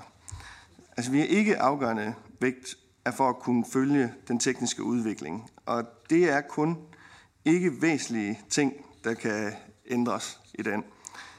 Og i forhold til øh, høringssvar fra, øh, hvem der sender høringssvar ind, og hvordan, det tror jeg lige, vi oversender. Det, det kan jeg ikke lige svare på, på på stående fod. I forhold til lastbiler og 17-årige, så er vi også i regeringen skeptiske i forhold til lastbiler og 17-årige. Vi har sådan set også spillet ind med ønsker om, øh, at skal det gennemføres, så skal vi i hvert fald stille nogle øget krav til erfaring, øh, alder osv. Når det er sagt, så, så, så øh, er min egen personlige vurdering, jeg tror ikke, at det er noget, der kommer til at blive udbredt øh, øh, brug af det. Altså vi taler om, at det er kørekort C, så det er til forvogn. Så, så jeg tror, at det bliver forholdsvis begrænset. Men, men øh, jeg er sådan set helt øh, enig med, med spørgerne til den del, både SF og Radikale Venstre, at, at vi er også fra regeringens side skeptiske. Så er det Alexander Ryle. Jeg er glad for at øh, se, at regeringen vil arbejde for, at vejhedsbegrænsningen for ansøgere til gruppe 1-kørekort med diabetes øh, skal følge den almindelige gyldighed for kørekort. Øh, men jeg er også enig med Søren Søndergaard, at der burde måske være lidt mere end bare vægt øh, på det. Så vil jeg godt tænke mig at, at høre, om ministeren kan redegøre for, hvorfor kommissionen overhovedet finder det relevant, at diabetikere skal have en anden vejhedsbegrænsning end resten af befolkningen. Altså er der nogle tal, som dokumenterer, at de har en større usikkerhed i trafikken og er involveret i flere ulykker, har den nuværende vejhedsbegrænsning haft enten positive eller negative konsekvenser rettet mod øh, diabetikere. Øh, det var det ene spørgsmål. Og så kunne jeg godt tænke mig også at spørge ind til det med promillegrænsen på 0,0 procent, fordi vil det have en øh, effekt på, øh, på, øh, på trafiksikkerheden for førstegangserhververe? Altså i hvor høj grad sker der ulykker øh, i dag med førstegangserhververe, som har en promillegrænse på 0,5 procent? Karin Lilletorp. I Moderaterne støtter vi naturligvis også op om forslaget, og der er masser af gode takter i det. Men, men, men jeg havde lidt spørgsmål, ligesom Alexander Ryle. Noget af det, der er vigtigt for os, det er jo selvfølgelig, at de her nye forslag, de er jo baseret på en eller anden risikotilgang. Og jeg synes allerede, det her med nærhedsprincippet er, er selvfølgelig noget, der fortjener at blive dykket yderligt ned i, fordi vi skal jo helst ikke ud på en forkert vej der, hvor vi tænker, det er lidt ligegyldigt. Og jeg husker tidligere her i gruppen, vi også har snakket meget om den der 0,0 procent øh, promillegrænse. Øh, og, og, og tænker på, hvad, jeg efterlyser måske også risikovurderingerne af det. Altså, vi kan godt gøre os øh, klart, at øh, man ikke skal være fuld, når man kører lastbil. Men, men er det, fordi der er en speciel risiko, og der er jo også nogle implikationer ved det her, at man måske kan, kan have taget sig et glas vin aften i forvejen og risikere at komme i en uheldig situation. Så det er jo derfor, det er, er rart at vide, om der ligger noget til grund for at sætte den på den her måde. Ja tak. Jens Henrik Tulsendal. Ja, tak for det. Øh, I forhold til promillegrænsen, så er vi jo glade for, at øh, regeringen har fokus på, at der er ting, vi skal have lov at fortsætte at bestemme i Danmark. Jeg kan så undre mig sammen med Søren Søndergaard over, at man ikke lægger afgørende vægt på det, når man nu mener, at det slet ikke burde være der, og vi slet ikke burde forholde os til det. Øh, så er jeg sådan set fuldstændig enig i nogle af de ting, der bliver sagt omkring diabetes. Fordi det, med den teknologiske udvikling, de muligheder, der er, så burde man ikke have de restriktioner, der er. Øh, og nu ved jeg ikke, om, om regeringen fik lagt vægt på, men man skulle i hvert, burde i hvert fald, og det er en opfordring herfra, at man går ind og får lagt vægt på, at man får lavet de vejhedsbegrænsninger anderledes, så kørende med diabetes også kan fortsætte det. I forhold til, til aldersgrænsningen og de krav, der er lagt op til her, så er det jo lidt bagvendt, at vi i Danmark fandt ud af, at vi kunne godt afskaffe de regler, der var, fordi det gav faktisk ikke nogen sikkerhedsmæssige fordel. Det var bare en omkostning, det var en belastning af sundhedsvæsenet. Øh, så der synes jeg da også, man burde lægge større vægt på at få det ud, når der nu egentlig ikke er noget, noget indhold i det. Og øh, så har jeg så lige et opklarende spørgsmål, fordi når man nu snakker om at lade vægtgrænsen stige for personbiler af hensyn til den grønne omstilling, øh, har man så været inde og kigge på, hvad det gør ved den grønne omstilling, at man får tungere biler ud på vejene, større slid på veje og i det hele taget en, en større belastning på den led øh, ved det her forslag. Hvordan hænger det sammen? Tak. Minister.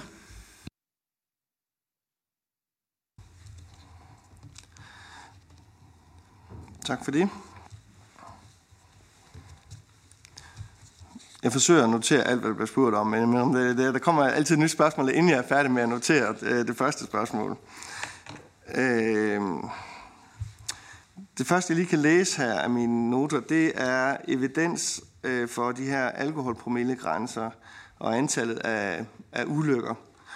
Og øh, vi har ikke tal på, hvor mange ulykker øh, med en promille øh, på, på under vores promillegrænse. Øh, men, men den som... Altså måden, man håndterer det på i EU, er jo meget forskelligt.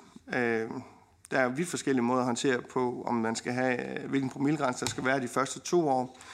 Og, og vi har så ikke forskel på, om det er en ny erhverv eller ej. Øh, og er altså, som sagt også skeptiske i forhold til, at vi mener sådan set, det er dansk anlæggende at, øh, at vurdere det. I forhold til diabetes, jamen der ønsker vi, at det skal følge den almindelige gyldighedstid.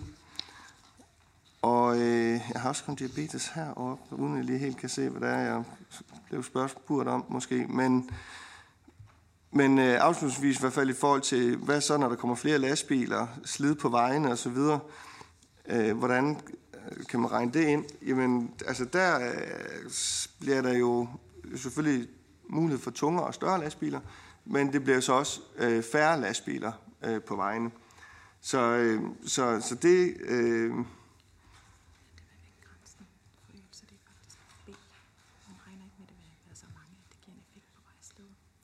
Nå, okay, jeg kan se. Nu har man rent faktisk regnet på, at man ikke, eller vurderet, at man ikke regner med, at det bliver så mange, at det giver en effekt på vejsled.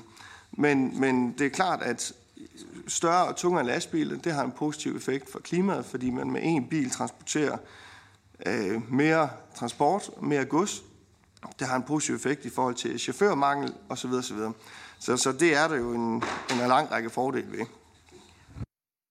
Bare lige sige, det sidste svar, det, det er måske et svar på næste spørgsmål, øh, eller næste forhandlingsoplæg, som, øh, som ligger her.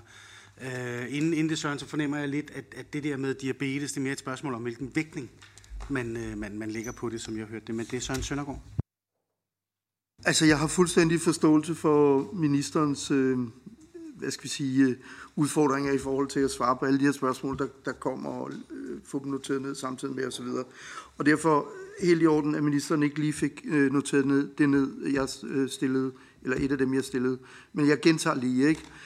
Fordi det er ikke mig, der finder på at skrive, at der er en begrundet tvivl om, hvorvidt forslagets artikel 15 er i strid med nærhedsprincippet.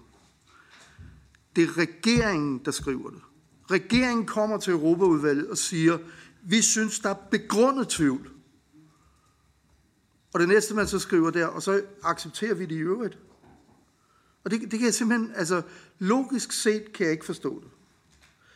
Altså, har vi noget, der hedder nærhedsprincippet, eller har vi ikke noget, der hedder nærhedsprincippet? Hvis vi har noget, der hedder nærhedsprincippet, så skal vi vel også forsøge at efterleve det. Og hvis der er begrundet tvivl om, hvor noget, hvordan noget ligger, hvor det ligger i forhold til nærhedsprincippet, må man enten få afklaret den begrundede tvivl, eller også så må man sørge for, at der, hvor der er en begrundet tvivl, der får man det taget ud. Altså sådan hænger det sammen i min hoved. Det kan godt være, at det er forkert. Ministeren kan en anden udlægning, så vil jeg godt høre dem. Jeg forstår det ikke. Øh, jeg forstår, at hvis der er begrundet tvivl om noget, så må man bede om at få det øh, fjernet. Øh, og så bare til det svar, som ministeren øh, meget fint øh, gav til mig omkring de delegerede retsakter. Betyder det, at ministeren over for udvalget her kan garantere, at der med de delegerede retsakter ikke er nogen som helst beføjelser til kommissionen til for eksempel at ændre på varighed for, hvor lang tid et kørekort for diabetikere, folk med diabetes, kan, vare, kan holde. At der ikke er nogen mulighed for at ændre på det. Tak. Så giver jeg ministeren ordet, så ikke der kommer for mange spørgsmål. Tak for det. Hvis der bliver spurgt ind til det her med, i forhold til, om vi skal lægge afgørende vægt på. Og vores vurdering er jo altså, at i den her sag vil der vil ikke tjene danske interesser at lægge afgørende vægt på, da det vil sætte os uden for indflydelse. Det vil jo tvinge os til at stemme nej. Og så vil der være andre lande, som der skal lave kompromiset. Og det, det synes vi ikke, det tjener danske interesser. Så det er derfor, vi stiller os, som vi, vi stiller os.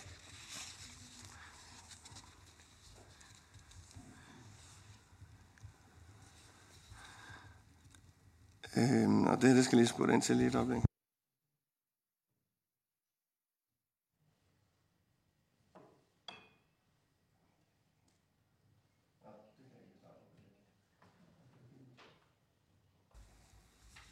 Christian Friis. Ja, det var bare lige en lille opfølging på det med diabetes. Øh, For det, jeg også spurgte om, det var det her med, hvis nu, øh, der findes jo virkelig metoder. Ja.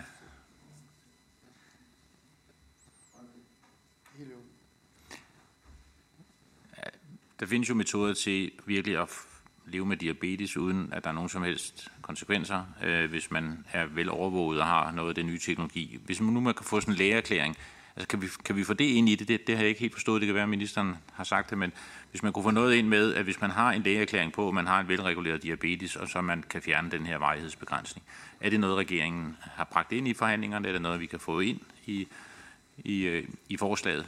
Øh, og er det noget, regeringen vil lægge, lægge væk?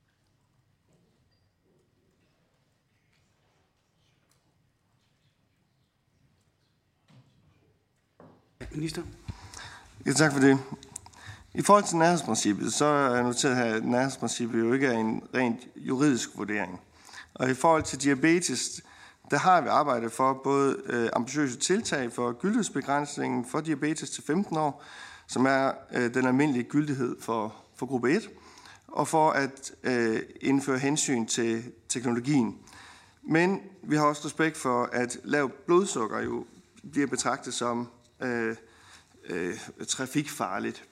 Men øh, der er ingen tvivl om, at at øh, jeg sådan set deler ordførernes øh, ønsker i forhold til at fremme øh, det her, og det er jo også det, vi arbejder på øh, i forhandlingerne. Alexander Ryle. Tak. Jeg vil gerne øh, følge lidt op på mit, øh, mit, mit første spørgsmål, som jeg ikke synes, jeg fik et øh, så klart svar på. Og jeg, jeg hørte egentlig også øh, Karin Lilletorp spørge lidt ind til det samme, nemlig i forhold til øh, diabetikere, at vi jo gerne skulle basere det her på øh, fakta. Og jeg kunne godt tænke mig at spørge igen, om der er nogle tal, der dokumenterer, at der er en større øh, usikkerhed i trafikken øh, for diabetikere, og at de er involveret i flere ulykker, og om den øh, nuværende vejhedsbegrænsning har haft enten positive eller negative konsekvenser rettet mod øh, diabetikere. Tak. Jamen altså, øh, altså lidt pudsigt ved den her er jo, at vi har jo haft en teknisk gennemgang om alle de her ting, hvor alle har været inviteret. Det var, jeg kunne godt have tænkt mig, at, at man måske har, hvor vi havde hele det her set op med folk, som sad på specialistområderne og kunne svare ind på alle de her tekniske spørgsmål. Men ja, det var Europaudvalget og øh, Transportudvalget, der sammen var inviteret til den her tekniske gennemgang øh, for en lille uges tid siden. Og det er ikke, fordi jeg ikke vil svare på de her tekniske spørgsmål. Øh, jeg har nok bare ikke lige ventet dem øh, i dag, øh, og det, det er jo mit problem, det er ikke jeres problem. Men skal vi ikke gøre det sådan, at jeg så kan eftersende dem til jer? En aftale. Jens øh, Henrik? Ja, tak for det. Det kan jo så gøre det svært at give en afgørelse i dag på mandatet, men det må vi jo så tage derfra. Øhm, det undrer mig lidt, at hvis man vil sige øh, i forhold til promillegrænsen øh, og nærhedsprincippet, at hvis, hvis regeringen rent faktisk mener, at det ikke hører sig til i den her sammenhæng, at man så kun, som jeg i hvert fald har noteret, det lægger vægt på øh, at få det ændret. At man ikke kunne gå op til stor vægt, eller i, i princippet afgørende vægt, fordi det burde jo ikke være noget, man skulle arbejde i. Øh, så i forhold til diabetikerne, og ministeren siger, at altså, lavt blodtryk er trafikfarligt, men det er jo netop derfor, man har teknologiske løsninger, hvor man kan komme ud over det. Så, så der vil jeg også opfordre til, at man egentlig lægger større vægt på at få det bragt ind og bragt det på bane. Øh, og lidt tilsvarende egentlig med, det fik jeg heller ikke så meget svar på, synes jeg, med, med ældres mulighed, altså aldersafhængigheden på, på gyldigheden, hvor vi jo nær på at afskaffe det her hjemme, fordi det ikke gav mening. Øh, det kunne man også godt lægge større vægt på at få, få ændret. Og endelig, så det jeg spurgte om før, det, som jeg har noteret i hvert fald, så lægger man jo op til, at øh, personbiler, kategori B-biler, kan være ikke bare op til 3500, men så op til 4250 kilo. Det må alt andet alligevel give tungere personbiler på vejene. Øh, har det samlet set et, et, et grønt hensyn, eller var det bedre at, at gå en anden vej? Det er egentlig bare sådan, det er måske mere teknisk oplysning, som vi kan få det efterfølgende. Men, øh, så tænker er det, er det ikke den næste sag omkring persontungen? Nej, det, nej. det, er, det er en okay. del af det her med, med, med personbilerne. Det er i hvert fald, som jeg har noteret det, så står det som en del af det her forslag. Ellers så beklager jeg. Godt. Ja, minister. Jamen, altså, som sagt, så regner man ikke med, at der vil være så mange, at øh, det har en afgørende effekt på vejsledet. Men øh, jeg vil gerne øh, øh, undersøge det nærmere og, og prøve at kvalificere det. I forhold til de øvrige spørgsmål fra ordføreren, så er det jo hele tiden en balancegang mellem, øh, hvad man sender signaler og, og i forhold til vægtningerne, øh, og hvor meget du sætter dig selv uden for indflydelse. Og, og der er svaret jo, at hvis vi lægger afgørende vægt, så mener vi ikke, at det vil tjene vores interesser, fordi vi dermed øh, vil sætte os selv øh, uden for indflydelse i forhold til udformning af den egentlige politik. Og det er derfor, vi har valgt, som vi har valgt. Lille Ja, tak. Og, og så, som øh, ministeren sikkert allerede har bemærket, så er vi meget spørgeløsende og, øh, og til gengæld også meget nørdet, øh, især når det kommer til nærhedsprincipper. Så jeg tror, jeg vil også prøve at... Øh, nogle gange er Søren Søndergaard lidt svær at forstå, ikke? Nej, men han, han, øh, som jeg forstår det, er spørgsmålet også lidt, hvis man har dykket ned i det her med nærhedsprincippet, så er spørgsmålet ikke, om man lægger afvægten eller afgørende vægt på, eller stor vægt på osv., så er det jo faktisk, at man skal sige, at det har slet ikke noget med EU at gøre, så I skal ikke blande jer i det her. Så jeg tror, det vi kunne være interesseret i øh, for udvalgsvejen, det er faktisk at få en forståelse af, hvad gør man, når man mener, at nærhedsprincippet ikke er overholdt kan man ikke gå tilbage og sige, det der, det skal I slet ikke blande jer i, men vi bakker op om alle de yderligere øh, tiltag, der er i det her lovforslag, men lige netop den del, synes vi bare ikke er på jeres bord, og det tror jeg, vi har en, et behov for at forstå, hvorfor, hvorfor, øh, hvordan man håndterer det.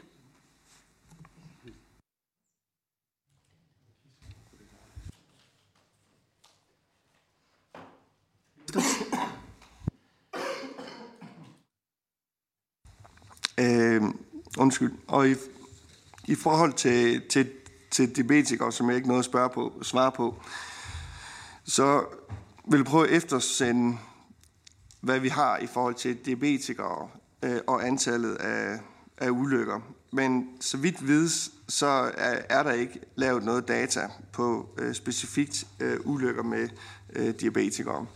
Øh, så det er også derfor, vi fra regeringens side er jo efterspørger i forhandlingerne evidens for de beslutninger, der øh, bliver truffet.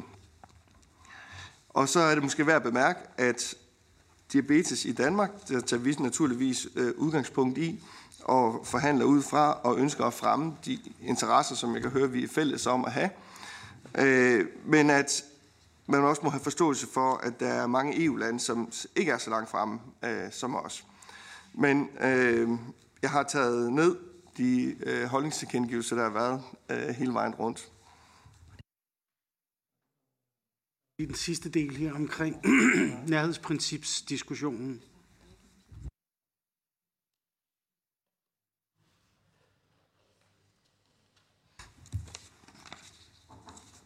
I forhold til ældre, øh, der, er så, der er jeg sådan set også enig med ordføreren. Vi har ikke statistik for, at, at det skulle betyde større færdselssikkerhed, de her kontroller, så derfor forhandler vi jo også øh, egentlig ud fra det. Og i forhold til nærhed, så må jeg måske gøre opmærksom på, at det ligger nok ikke lige i øh, mandatet og øh, nærhedsprincippet. Oh, undskyld, det ligger i mandatet, ja. Undskyld, jeg synes, det ligger ikke i mandatet.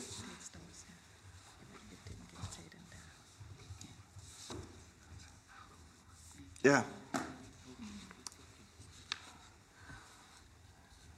Ja, det lægger vægt på, at Danmark ikke forpligtes til at fastsætte bestemte færdselsregler for adfærdsregulering karakter, herunder bestemte promillegrænser. Det er rigtigt. Det ligger i mandatet.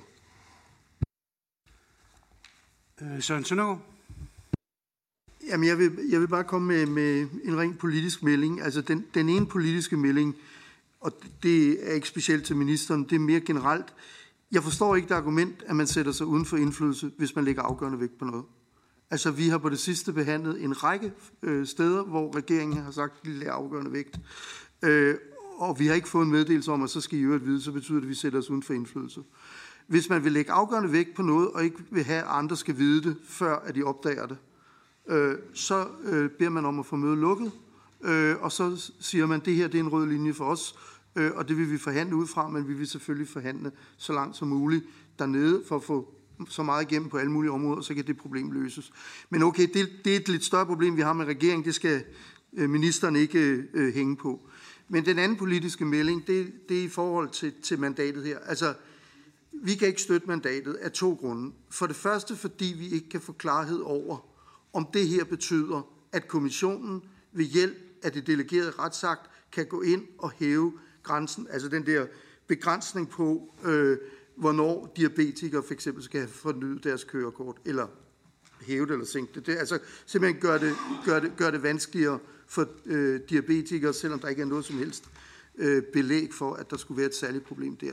Det, vi kan ikke få klarhed over, om det er øh, noget, der kan ske i henhold til det delegerede retsakt. Og det er klart, så kan hele det, vi gør her, alt det, vi snakker om, alt det, vi går ind for, det kan ændres, og det kan vi ikke acceptere.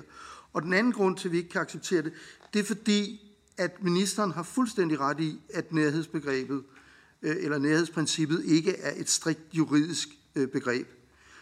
Men det er jo noget, der er udgangspunktet for vores øh, europapolitik i Danmark. Altså det er jo et grundlag for vores europapolitik, øh, øh, at det, der kan klares nationalt, øh, det skal man forsøge at klare nationalt.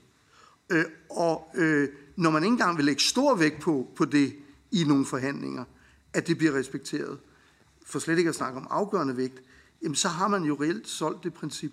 Og derfor så, øh, altså, øh, det, det bliver vi bare nødt til at sige, det, det kan vi ikke være med til.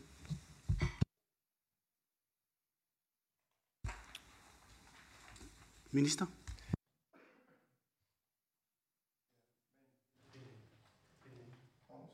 Sådan. Jamen tak for det, Søren. Øh, men det er jo nogle gange sådan, hvis vi lægger afgørende vægt, så skal vi jo stemme nej til forslaget i sin helhed, hvis vi ikke får den her lille del igennem. Og det er jo derfor, vi har placeret os, som vi har placeret os. Øh, og derfor, derudover så siger jeg tak for ordførens bemærkninger. Godt. Jens Henrik? Det er lige for at, at tage fat i den, for når ministeren nu siger, at man er så bekymret for at lægge afgørende vægt på, at man kun vil lægge vægt på, kunne man så i det mindste massere ministeren til at sige, at man lægger stor vægt på, at Danmark ikke forpligtes til fortsat bestemte færdsregler osv. Fordi hvis vi ikke kan det, så vil jeg heller ikke kunne støtte mandat.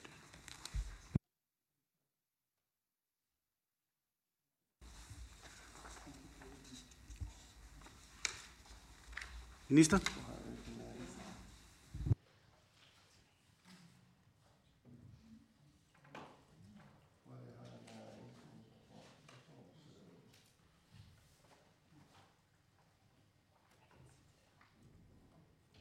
Nå, jeg kan ikke lige finde min indstilling, men, øh, men, men det kan jeg desværre ikke øh, hjælpe ordføreren med. Det kan vi ikke lave om på nu, desværre. Godt. Så er det sådan så, at øh, jeg kan konkludere, at der ikke er et flertal imod regeringens forhandlingsoplæg, i det det er Dansk Folkeparti, Enhedslisten og Danmarksdemokraterne, som har ytret sig imod. Der er hermed givet mandat.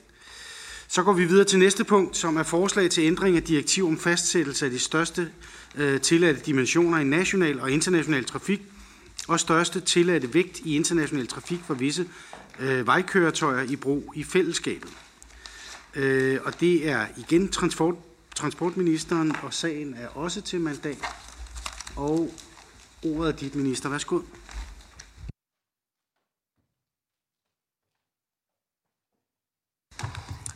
Tak for det. Den næste sag til forhandlingsoplæg, det drejer sig om kommissionens forslag til revision af direktiv om vægtdimensioner. Og forslaget blev fremsendt den 11. juli 23 og kom i dansk brugversion den 12. september. Det spanske formandskab forventer, at der opnås generel indstilling til forslaget på Transportrådsmødet den 4. december 23. Formålet med revisionen er for det første at fremme udbredelsen af tunge grønne køretøjer, og for det andet at understøtte harmonisering af markedet for længere og tungere køretøjer, og for det tredje at sikre effektiv konsekvenshåndhævelse. Forslaget omfatter nye krav til vægt og dimensioner for tunge køretøjer, der kører i grænseoverskridende transport mellem EU-landene. Forslaget lægger blandt andet op til nye grænseværdier i relation til vægte, højde og samt akseltryk. Herunder øges øh, den tilladte vogntogslængde for nul-emissionsvogntog for at skabe plads til teknologierne. Den tilladte totalvægt øges uanset vægten for, af nul-emissionsteknologien, således at vogntogene både bliver kompenseret for mere vægten og opnår højere lastevne. Forslaget understøtter også intermodal transport, blandt andet ved øh, øget totalvægt for andre transportenheder end containere, når de anvendes til intermodal transport. Forslaget indeholder en videre regler om lettere adgang til information om internationale regler og forenklede ansøgningsprocesser i forbindelse med særtransport. Det indeholder ligeledes skærpede krav til ensartet og effektiv håndhævelse af direktivets bestemmelser. Forslaget forventes at have statsfinansielle konsekvenser, blandt andet i relation til vejsled. Men den skønne, samtidig, at forslaget vil have positive erhvervsøkonomiske konsekvenser, samt medvirke til at reducere CO2-udledningen. Medlemsstaterne er overordnet set positive over for forslaget. Flere medlemsstater gør dog opmærksom på udfordringerne i forhold til deres nationale infrastruktur og har en videre øh, fokus på konkurrencesituationen i relation til jernbane godstransport. Regeringen er generelt positivt indstillet over for forslaget.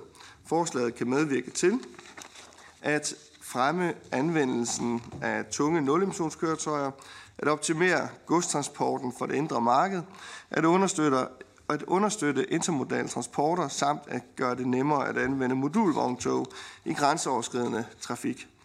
Større og tungere køretøjer vil alt andet lige kunne transportere samme mængde gods på færre lastbiler, hvilket kan reducere CO2-udledningen fra vejtransporten og fremme den grønne dagsorden.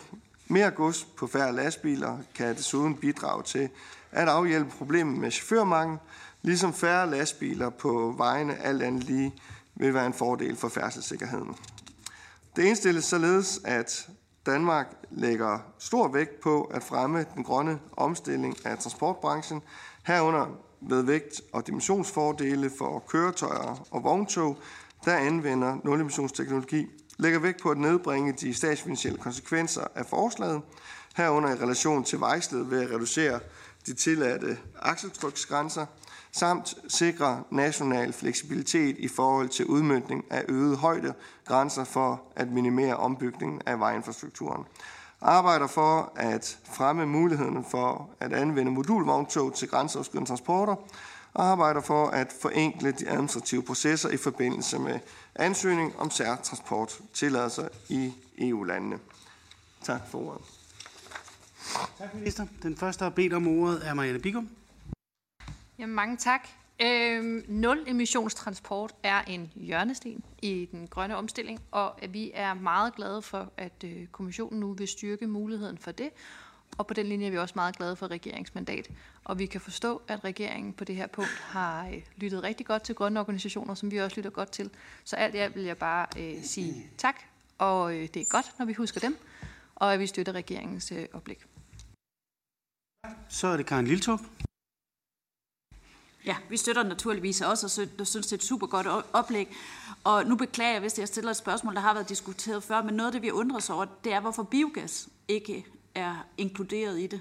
Øh, jeg kan ikke mindes, øh, at, at vi har diskuteret, at det ikke skulle, skulle være en del af det, og jeg ved, at det er danske interesse. Der er i hvert fald flere danske vognmænd, hvor de har stor interesse for biogas.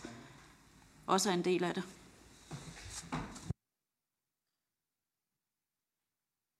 Søren Søndergaard. Ja, altså jeg, jeg beklager, at jeg har nogle spørgsmål, men øh, altså vi fik jo samlenotatet i tirsdags, øh, den 31. Øh, vi fik forhandlingsoplægget øh, i onsdags, og i forhold til forhandlingsoplægget, okay, altså det er en indkøringsfase, og vi har selv accepteret, at, at det kunne komme sidste øjeblik, så altså ingen, ingen kritik af det. Men altså, øh, samlenotatet der gælder det jo ikke. Altså, og derfor der har jeg nogle spørgsmål, som øh, jeg godt vil have afklaring på. Altså for det første, så vil jeg godt øh, bede ministeren om at oplyse, hvad der er hjemmelsgrundlaget for det her lovforslag. Altså er der tale om total harmonisering. Øh, for det andet, øh, nederst på øh, side 14, der står der i regeringens samnotat, at regeringen vil have fokus på, at kommissionens beføjelser kun udvides der, hvor det gives europæisk merværdi. Altså, kommissionens beføjelser skal kun udvides der, hvor det giver europæisk merværdi. Men altså, som jeg læser samnotatet, kan jeg ikke se, at der er nogen delegerede retsakter. Så, så hvad er det for nogle beføjelser, der henvises til i øh, samlenotatet? Øhm, så øh, øh, skriver ministeren, at man øh, lægger stor vægt på, øh, eller at man selvfølgelig at, øh, man går ind for det her af miljømæssige årsager. Øh, jeg kunne godt tænke mig at høre omkring færdselstrafiksikkerhed. Øh, er det noget, som ministeren vil lægge øh, stor vægt på, kommer til at indgå? Det er noget, Rådet for Grøn Omstilling foreslår. Jeg ved ikke, om det er noget, ministeren vil lægge øh, stor vægt på eller bare lægge vægt på. Så på side 10 i samlenotatet, der står der, at, øh, Øh, og jeg citerer, en forhøjelse af drivakseltrykket med et ton vil medføre betydelige konsekvenser for vejslivet på såvel det statslige som kommunale vejnet. Yderligere vil generelt højere og tungere køretøjer intermodul øh, transport udgør en stor udfordring for infrastrukturen, som enten skal løses ved omfattende ombygninger eller eller skiltning og etablering af omkørselsruter. Det er fantastisk præcis skrevet. Altså ros til den, der har skrevet det. Men så bliver man jo også nødt til ligesom at stille sig spørgsmålet, hvad er de miljømæssige konsekvenser af omfattende ombygninger af øh, for eksempel øh, veje, nye veje og etablering af omkørselsruter. Øh, jeg ved ikke, om det er noget, der er overvejet, men jeg vil godt høre, hvad overvejelserne var, fordi øh, Øh, det ved vi alle sammen. Etablering af, af nye veje og omkørselsruter, det er ikke noget, der er CO2-neutralt. Øh, øh, på side 14 i samnotatet, der står der, at øh, regeringen finder det centralt, og så jeg citerer, at fastholde den gældende retstilstand, hvor efter transport over de nordiske grænser, der går ud over direktivets bestemmelser, forbliver mulige efter revisionen. Og der vil jeg bare høre, hvad er det for bestemmelser, som øh, vi snakker om her? Øhm, og kan de bestemmelser så opretholdes? Altså, man lægger væk på det, men hvad er regeringsvurdering af det her? Øh, og til sidst, øh, så skriver øh, man på side 14 også i samme notatet, at regeringen noterer sig, at direktivet ikke umiddelbart vurderes at kollidere med de grænser i det regelsæt vedrørende vægt og dimensioner, som gælder for nationale transporter. Hvad menes der med ordet umiddelbart? Er det noget, det kan gøre på, på, på, på sigt? Tak. Det var, øh, det, var, det var mange spørgsmål. Jeg tror, vi øh, giver ministeren chancen for at svare her. Jeg tror næsten garanterer, at det ikke kan lykkes mig at svare på alle spørgsmålene. Men jeg kan i hvert fald lige sige umiddelbart, det er fordi det fortsat forhandles, så har man den øh, lille sikkerhedsmagen.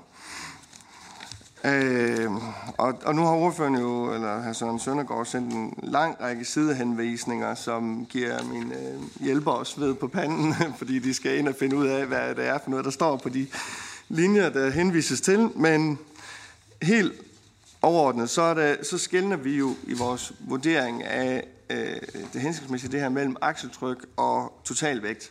Fordi at når vi kigger på vores infrastruktur og krav til ombygning og så videre, så er der jo en væsentlig forskel på, om vi taler om at skal til at ombygge broer på grund af en øget totalvægt eller øh, et akseltryk.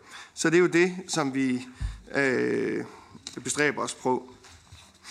Øh, og krav om højde og fastholdelse af nationale bestemmelser. Øh, øh, jeg tror, jeg forstår ordføreren sådan, at Ja, det ved jeg faktisk ikke helt. Men, men, jeg, men det, jeg vil prøve at svare med det, det er, at vi bestræber os jo på, at man kan gøre det her så hensigtsmæssigt som muligt, både for, for klimaet, men også for øh, branchen.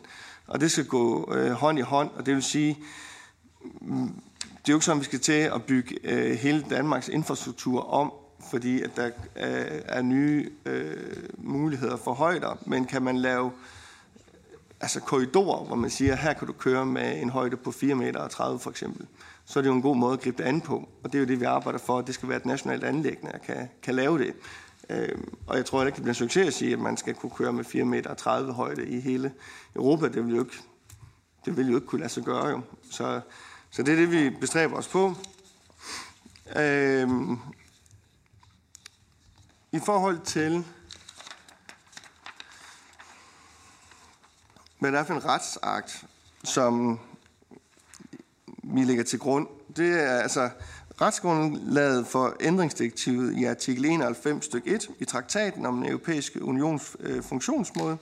I henhold til artikel 91 stykke 1 øh, har EU bemyndigelse til at fastsætte fælles regler for international transport mellem medlemsstaterne eller transport, som passes, passere gennem en eller flere af medlemsstaternes områder. Det er i forhold til den hjemmel, som øh, Søren Søndergaard spurgte ind til indledningsvis. Øh,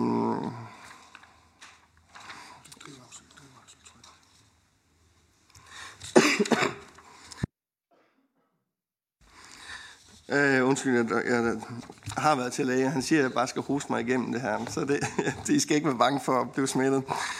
Øhm, I forhold til biogas, som, som Karin hun spurgte ind til, ja, jeg tror ikke, jeg er måske ikke lige helt sikker på øh, spørgsmålet, men jeg er heller ikke helt sikker på, at jeg kan svare helt klart. Men der er sådan meget, øh, meget diskussion omkring øh, biogas i EU. Øh, og øh, måske er der nogen, der kan hjælpe mig med noget, eller så vil jeg sende over skriftligt i hvert fald, øh, hvad der ligger til grund derfor. Øh, men det er der jo ikke helt enighed om, øh, øh, hvor grønt biogas det er. Øh, og jeg skal nok prøve at lægge mig øh, i scenen for at få oversendt et skriftligt svar til, til Karin på den del. Tak, Therese Scavenius. Ja, øh, jeg synes, det er et meget vanskeligt forslag, fordi på den ene side er det selvfølgelig rigtig godt at fremme lavemissions tung transport.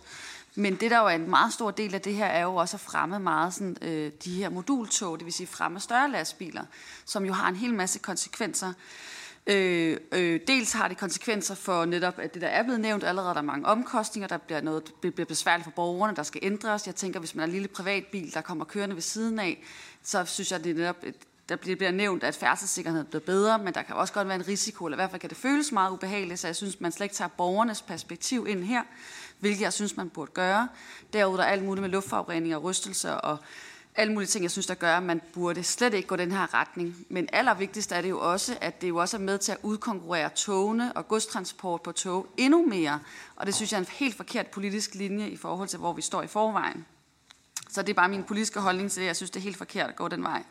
Men det, jeg har et spørgsmål omkring, det er, jeg synes, der er en bekymring omkring, hvordan er det, man overlader det her i en midlertidig, for der, en midlertidig periode, for der bliver nævnt, at fossil tungere transportlastbiler bliver tilladt i en lang periode. Og jeg synes, det er ret uklart at få at vide, øh, hvordan det står i forhold til, hvor lang den midlertidige periode er. Det vil sige, kan vi se ind i et årti, hvor det faktisk er fossile lastbiler, der bare bliver givet tilladelse til, at de må være større, end de var i forvejen, eller må være i øjeblikket. Øh, og den bekymring vil jeg gerne spørge ministeren om, hvornår at vi forventer, at, øh, at det ikke er tilladt. For der står noget et sted, at det er en uklar formulering, men der står noget med, at det når der er 50 procent lavemissionsbiler. At, altså, at datoen er ikke fastsat endnu, men det kan være, at ministeren kan oplyse bedre, hvornår det er. Øhm, og det hele taget kunne vi måske have lidt en diskussion omkring, øh, hvad er forventning, altså hvad, hvad er fremskrivninger i forhold til tung fossil transport, fordi at det, det bliver nævnt i forslaget, at nu bliver det, at det er et klimaforslag, og vi forventer færre biler, men vi har jo samtidig en økonomisk politik, der sørger for, at vi får mere forbrug, vi skal have mere vækst. Det vil sige, at den mængde af varer, der kører rundt på vejene, er jo ikke konstant i øjeblikket. Vi forventer jo, at den skal stige. Så hvad, hvorfor er der en forventning til, at der er en stabilitet i forhold til, hvor meget gods der skal transporteres? For jeg sætter mere ind i, at vi netop bare så vil lempe kravene, og dermed øge og gøre det billigere at transportere endnu mere varer, øh, varer på vejene, og dermed forvente mere tung transport i det hele taget. Øhm, så har vi nogle fremskrivninger i forhold til øh, transport, den tunge transport i 2035 og 2050 for eksempel.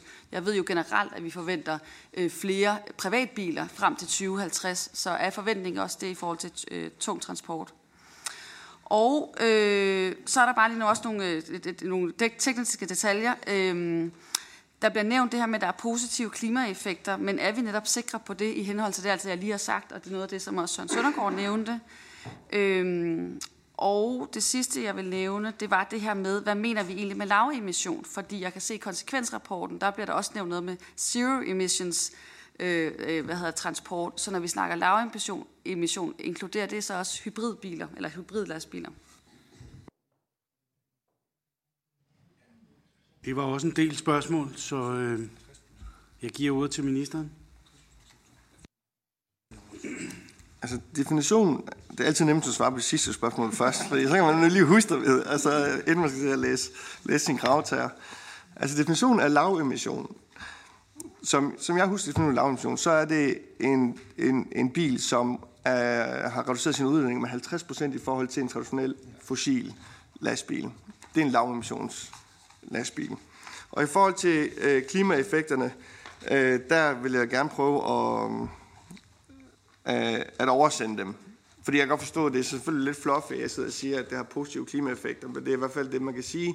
Der er i hvert fald en, en generel enighed om, at når en bil kan fragte mere gods, så er, jeg ved, der ligger beregninger, jeg har, øh, jeg, jeg har det ikke lige øh, liggende her, men jeg, der findes beregninger fra lande, som har erfaringer med Øh, Øh, også større erfaringer end også med modulvogntog osv., hvor man har estimeret klimaeffekterne af øh, brugen af, af modulvogntog. Men det siger sig selv, at det er godt for miljøet, det er godt for trængslen, det er godt for mangel på chauffører osv. Jo mere gods du kan fragte med, med én bil. Og, og, og tog versus vejtransport, det, det er selvfølgelig også et politisk spørgsmål. Altså min holdning er jo, at, at vi skal jo ikke sikre bedre vilkår for togene ved at begrænse lastbilerne, øh, men det er jo fair nok politisk øh, holdning, om, om øh, man synes det.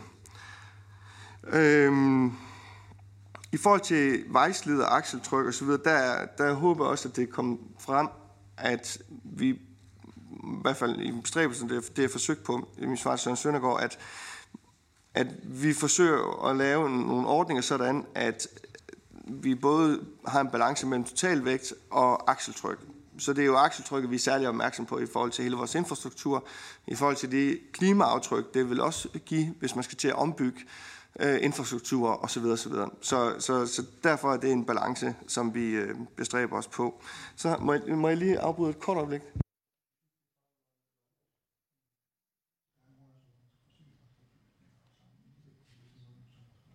Det er rigtigt, det er rigtigt. Øhm, det var til vedrørende spørgsmål, som jeg ikke nåede for skrevet helt ned her nemlig. Øh, hvor lang tid har fossile biler de samme øh, vægt- og dimensionsfordele som øh, øh de øh, grønne biler? Øh, og der er lavet en udfasning til, eller en bagkant, der hedder 2034. Ja tak, så er det Alexander Ryle. Normalt, når vi øh, i det her udvalg bliver præsenteret for regeringens holdning, så øh, får vi at vide, hvilken vægt der er lagt på de forskellige punkter. Og i hvert fald i, i, i to af dem, jeg har noteret her, der står der, at regeringen vil arbejde for noget. Øh, kan ministeren bare lige måske sådan bekræfte, betyder det, at man lægger øh, vægt på det? Det er sådan, jeg tolker det, men jeg synes ikke, det er, det er helt klart, når der står arbejder for. Øh, og så kunne jeg godt tænke mig at spørge ind til... Øh, de besparelser, som kommissionen forventer forslaget vil generere på øh, 597 milliarder kroner øh, på tværs af hele EU, godt nok, men, men jeg synes, det lyder som et meget højt tal, og jeg er interesseret i, hvordan man er kommet frem til det. Øh, jeg forstår godt, hvis ministeren ikke kan svare på det her, men, men, men hvis, hvis det ikke er muligt at, at få et svar nu, så kunne jeg godt tænke mig at få det oversendt skriftligt. Tak kan sige, i forhold til skalaen, som, som er der, så arbejder for, det er mindre end lægge vægt på. Så det er lige niveauet øh, under øh, i forhold til det. Og hvordan det så rent fysisk udmyndter sig i forhandlingerne, det skal jeg så ikke gøre mig klog på. Men øh, det er Christian Fris. Ja, tak for det, og, og tak til øh, ministeren. Øh, nu skal jeg ikke kloge mig på øh, udviklingen i transportsektoren. Jeg kunne virkelig godt høre mig og tænke mig at høre transportministeren sådan også lidt personlige refleksioner som tidligere lastvognsmekaniker, så vidt jeg husker, øh, om, om hvordan det her det kommer til at udvikle sig, fordi man kunne godt forestille sig det samme som inden for, for landbruget. Maskinerne bliver større og større og større, up, så bliver de lige pludselig selvkørende og meget små, og så med solceller op på taget. Og man kan godt tænke det samme i den her sektor, at, at man på sigt måske vil få mindre enheder, der faktisk kan køre med 20 cm hinanden. En chauffør kører foran med, med fem forskellige, øh, og de kan så fordele sig ud efterhånden, som, som de når til destinationen, og de kan være elektriske alle sammen. Så jeg ved ikke om det her, jeg tænker måske lidt, det her det kan være sådan en slags overgangsteknologi, men det er jo sådan mere en filosofisk øh, betragtning. Og så til biogas, Karin Lillehold. Det er ikke fordi, jeg skal udgøre mig til ekspert, men der er en, der har fortalt mig, at grund til, at biogas ikke er særlig grønt i transportsektoren lige nu, det er fordi, vi ikke har nok af det. Så i virkeligheden, hvis du kommer over i transportsektoren, så skal du bare tage noget gas fra Rusland og komme ind i de andre steder, hvor vi bruger øh, gas. Øh, og det giver faktisk ikke en positiv øh, klimaeffekt. Nå. Øh, men spørgsmålet er, det her, og det er lidt til Søren Søndergaard, er det her sådan en total harmonisering, eller regeringen ønsker jo at gå videre, ønskede større ambitioner på det her område. Kan vi indfri de større ambitioner stadigvæk, hvis vi får vedtaget det her? Øh, og hvad er regeringens større ambitioner? Kommer regeringen med et forslag til at gøre noget mere i Danmark og i Norden måske? Altså, og kan vi gøre det? Kan vi sætte nogle skrappere krav og, og lave en transportsektor, der bliver endnu mere øh, grøn i vores del af verden, selvom vi får det her direktiv på, på de her lastbiler? Tak. Minister? Ja, men altså til det sidste, der kan jeg sige klart ja. Altså det, vi er ikke bunden af, at vi så ikke må gå videre, øh, og vi er allerede i gang med at gå videre. Så, så, så det, det kan vi både nationalt, men også øh, for eksempel i Norden, som, øh, som ordføreren øh, spørger ind til. Øh, og, og nationalt, der er vi jo i gang med at gå helt op i uh, dobbelttrailer. Det her, det jo, der taler man om modulvogntog. Øh, nationalt taler vi om dobbelttrailer, så en lastbil må køre med to trailere. Øh, og har, vi har allerede, eller jeg har allerede lavet en aftale med vores svenske kollegaer, som gør, at de også må køre til Malmø og gennem Sverige. Øh, og, og det, øh, det er igen godt for klimaet, øh, godt for øh, miljøet og chaufførmangel osv. osv. Øh, hvad øh, fremtiden bringer, øh, det ved jeg ikke, om det tilkommer en øh, hverken lastningsmekaniker eller transportminister at udtale sig om det. Øh, vi kan i hvert fald ikke spå om det. Men øh, jeg var på transportmesse, og for to år siden, der var der en halv med grønne lastbiler i. Øh, og i år, der var der grønne lastbiler fra alle udstillere øh, i samtlige haller. De skulle vise, hvad der var sket. Og der er sket meget. Øh, og når vi så skal, når jeg så som transportminister skal sige, hvad bliver fremtidens teknologi, øh, så er jeg meget øh, tilbageholdende med det, fordi jeg tror, at markedet er bedre til at, øh, at bestemme det. Øh, men det, der gik igen, var i høj grad øh, el, lastbiler, hvor vi nu også ser de første lastbiler, der egentlig ikke bare er bygget om fra en fossil lastbil til en el-lastbil, men bygget til at være en, en el-lastbil. Øh, og, øh, og derudover så, så vil jeg måske bare lige, nu hvor vi sidder i EU-valget, at jeg ser så også bare en stor vigtighed i, at vi ikke bare nationalt, men også internationalt taler sammen. Fordi der sker virkelig meget her. Der er ikke nogen, der kan forudse, hvad der sker om 10 år. Jeg tror på selvkørende øh, øh, lastbiler, altså biler generelt. Øh, det kommer til at gå hurtigere, end vi tror.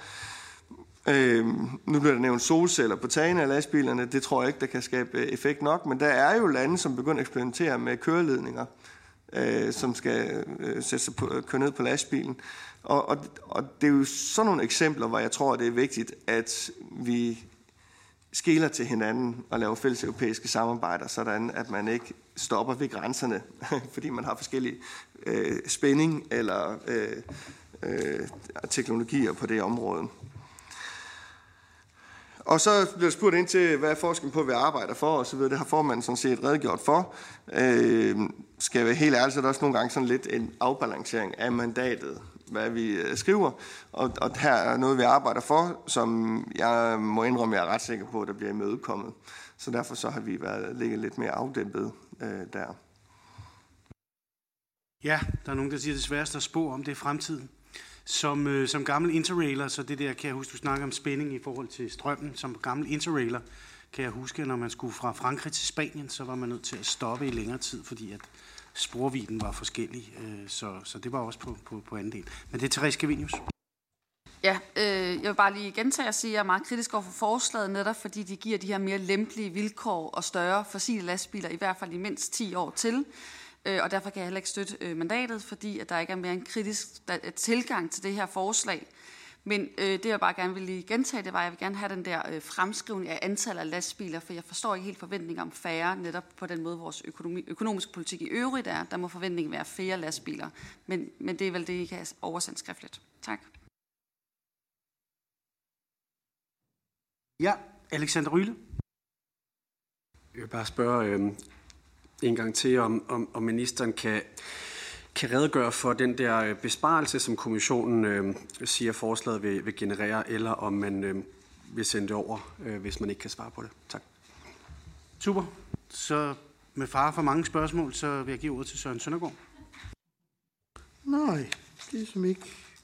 Altså, det der, det der selvfølgelig er lidt problemet, det er, at jeg synes, at, at der bliver sagt noget her, som ikke helt står i, øh, i samlenotatet. Altså for eksempel i samlenotatet så står der, at øh, der ikke foreligger dokumentation øh, for, øh, for de samfundsøkonomiske konsekvenser og for CO2-reduktion. Øh, det er på side 11. Men altså, jeg lytter jo til ministeren, og jeg konstaterer, at ministeren lover, at der ikke er tale om total harmonisering, men at vi har mulighed for at gå videre, Danmark og på nordisk plan, fuldstændig som vi beslutter i Folketinget. Og jeg hører, at ministeren lover, han, eller forklarer, at han ligger inde med nogle dokumentation, som vi vil få oversendt, der dokumenterer de positive CO2-effekter af det her. Og på den baggrund kan vi øh, godt sige ja til mandatet. Minister? Øhm, Fremskrivning af antallet af lastbiler, det oversætter vi. Min pointe, altså, altså mundtlig pointe her, er, at umiddelbart så er der jo i hvert fald en positiv effekt i forhold til, at en lastbil kan køre med mere gods, øh, og dermed er der ikke behov for lige så mange lastbiler, og det på den vej har en positiv effekt. Men vi oversender et svar. I forhold til Ryle, vi oversender et skriftligt svar. Øh, I forhold til Søndergaard, så er det som sagt ikke en total harmonisering. Vi kan sagtens øh, og er allerede gået videre. Øh, og de øh, positive effekter, som jeg henviste til, dem øh, oversender vi også.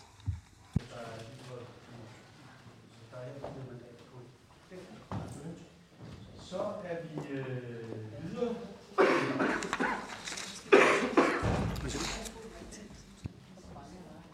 Nå, for referatets skyld, jeg havde åbenbart ikke tændt mikrofonen.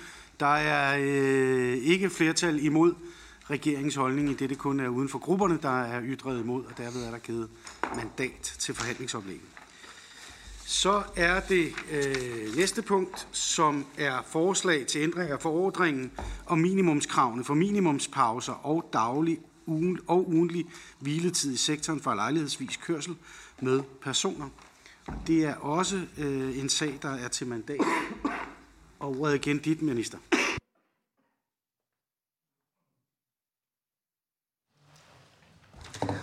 Tak for det. Den tredje sag, jeg forelægger, er et forhandlingsoplæg for udvalget, eller tilforhandlingsoplæg for udvalget, er kommissionens forslag til ændring af køre- hviletidsforordningen for lejlighedsvis buskørsel. Forslaget blev fremsat den 24. maj 23 og kom i dansk sprogversion samme dag. Det spanske formandskab forventer også for denne sag, at der kan opnås generel indstilling ved Transportrådets møde den 4. december. Formålet med forslaget er at højne kvaliteten og effektiviteten af lejlighedsvis buskørsel, ofte kaldes turistbuskørsel, samt forbedre arbejde og kørselsvilkårene for øh, chaufførerne. Øh, det skal opnås ved at gøre reglerne for afholdelse af pauser og hviletid mere fleksible, så de imødekommer sektorens særlige behov. Kommissionens forslag indebærer helt konkret tre ændringer. For det første en større fleksibilitet for afholdelse af pauser. For det andet en mulighed for udskydelse af det daglige hvil. Og for det tredje bedre mulighed for udskydelse af det ugentlige hvil. De tre ændringer tager højde for, at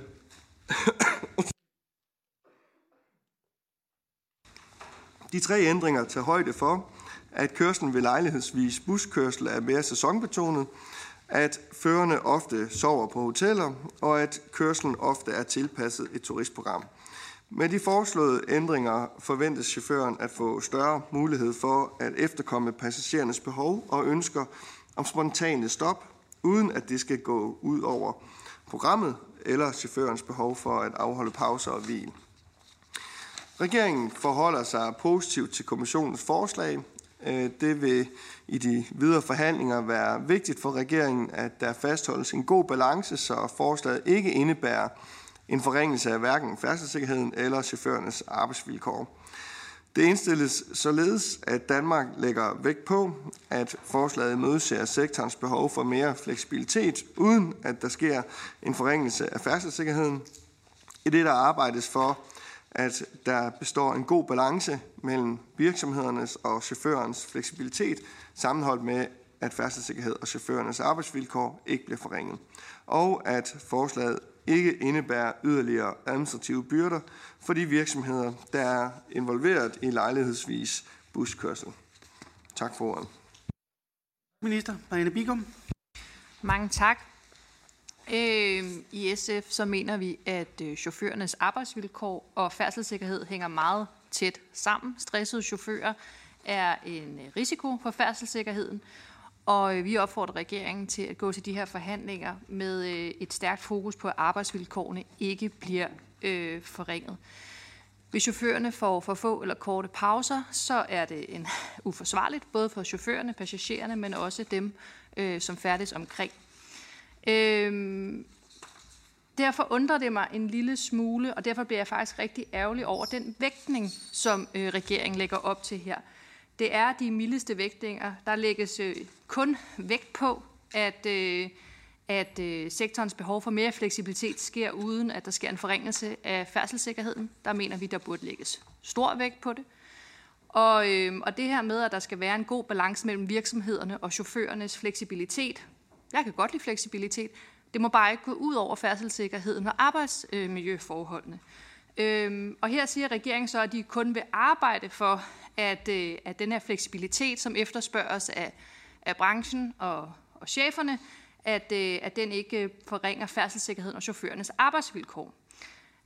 Og det er den laveste vægtning, man kan have, og det i praksis, nu gættede vi lidt på det tidligere, øh, og det, jeg tror ikke, ministeren kom ind på det, hvordan det så forholder sig. Men sådan som jeg forstår det, når man går ned og siger arbejder for, så forpligter man sig udelukkende til at nævne det, men det er ikke nødvendigvis til noget, der får igennem. Og der synes vi simpelthen, det er så vigtigt, at, øh, at den her fleksibilitet, som jeg godt kan se behovet for, at den simpelthen ikke sker på bekostning af færdselssikkerheden og chaufførernes arbejdsvilkår. Og derfor er jeg ret ked af at se, at med de vægtninger, som, som altså de ord, man vælger her, betyder faktisk noget, og kommer ikke til at lægge det tryk, som vi mener er nødvendigt her i den her sag. Så jeg vil høre, om ministeren vil øh, give større vægt på de her ting, sådan så vi både kan få fleksibilitet, men uden at det går ud over færdselssikkerhed og arbejdsforhold. Minister. Tak for det. Øh, og tak for spørgsmålene og øh, interessen derfor, som jeg sådan set deler er øh, meget vigtig. Men når vi så kigger på det, der bliver foreslået, så øh, er jeg nok ikke enig i de øh, bekymringer, som ordføreren øh, fremfører. Altså, vi taler ikke om mindre pauser eller andet. Vi taler om øh, en fleksibilitet i pauser. Øh, og vi taler om, at man sidestiller national trafik, eller hvad hedder det, turistkørsel med international øh, turistkørsel. Øh, så jeg synes sådan set, det er nogle uhensigtsmæssigheder, som vi her går ind og, og råder bod på. Øh, og øh, det, så skulle jeg så lige være lidt mere forberedt. Har vi fået nogle bekymringer fra Altså, vi har ikke fået nogen høringssvar eller noget som helst fra, som, som, som, som del af de øh, bekymringer, som øh, ordføreren øh, fremhæver her. Christian Friis Bak. Tak. Jeg vil bare sige, vi, vi støtter sådan set op øh, om det, men øh, har noteret os, at øh, Forbrugerrådet Tænk, de siger, at det er jo ikke så meget reglerne, det er håndhævelsen, det kniber med. Øh, det er der, der skal sættes mere ind, og, og det synspunkt deler vi jo sådan set, og det regner vi også med, at regeringen gør, og, og, og, og fremhæver i, i, øh, i, i lyset af den her ændring. Godt, så er det Søren Søndergaard. Ja, altså jeg deler jo langt hen ad vejen øh, den holdning, der kom fra SF. Øhm, nu siger ministeren, at man ikke har fået nogen høringssvar, øh, der, der ligesom nævner det her problem. Og jeg kan da ikke lade være med at bemærke, at der ikke er høringssvar fra Rådet for Sikker Trafik, ligesom der ikke var på det tidligere, eller fra Trafikstyrelsen. Øh, og derfor... Øh, er det, altså, er det, vir- det kan ministeren måske ikke svare på øh, stående fod, det er fint nok, men er det virkelig rigtigt, at Rådet for Sikker Trafik og Trafikstyrelsen ikke har svaret, at de fik det her i høring? Fordi man kan vel ikke forestille sig, at det her bliver fremlagt uden, at de har været høringsparter. Øh, det må vi i hvert fald afklare, men, jeg, men altså, jeg har det på samme måde som, som SF. Altså, for mig, så skal der Altså, jeg, jeg, så, skal det, så skal der lægges stor vægt på, at, man, at der ikke sker nogen forringelse af vilkårene. Det kan godt være, at der ikke er lagt op til det nu, minister, men det kan jo ske i forbindelse med forhandlingerne. Og så er det vigtigt for os, der siger ja til det her, at vi har en enighed med ministeren om, at så bliver øh, foden sat i.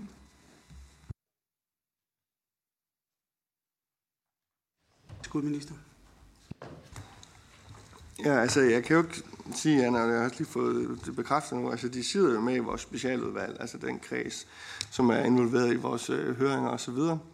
Øh, og, og, og, og jeg kan ikke sige, øh, hvad årsagen er til det, men, men bare konstatere, at det, det er sagen, at det har de gjort. Øhm, og i forhold til radikale venstre og selve håndhævelsen af de her regler, så er det jo et øh, nationalt anlæggende, og det er sådan set ret øh, enig med ordføreren i, at den håndhævelse, den er også vigtig. Øhm, øh, og, og det er også noget af det, som vi, vi ser på med de nationale briller, briller, hvordan den skal være også i takt med nogle af de andre ændringer, der sker øh, i forhold til øh, kommende kilometerafgift osv., hvor der også bliver en håndhævelse af, af regler, som skal varetages, øh, og der tænker vi jo naturligvis de her ting sammen. Men i øvrigt, øh, tak for bemærkningerne. Therese Gevinius. Jeg vil også bare sige, at jeg deler det, som SF og Enhedslisten har sagt omkring arbejdsvilkår. Øh, og det er det her med, at der er nogle risici, som, som det er bekymrende, at ministeren og regeringen ikke tydeligt vægter. Og det er lidt som i det andet forslag, at borgernes og øh, passagerernes perspektiv vægtes altså ikke tydeligt, så jeg kan ikke støtte mandatet. Så er det Marianne Bigum. Mange tak. Altså, det her med behovet for fleksibilitet og, øh, og at man godt vil lave, øh, lave nogle løsninger, det, det kan jeg egentlig godt forstå, og det er også det, jeg siger i mit, mit indlæg. Men i regeringens mandat, som er det, vi tager stilling til i dag, der skriver regeringen fuldstændig klart, at de lægger vægt på, at fleksibiliteten øh, imødeses, men uden at der sker en forringelse af færdselssikkerheden. Men man lægger altså kun vægt på det ikke stor vægt på det, hvilket betyder, at ja, man vil gerne have fleksibilitet, men i forhandlingerne, og ja, hvis det går lidt ud over færdselssikkerheden og, øh, og, og arbejdsmiljøforholdene, så, så går det nok i en forhandlingssituation.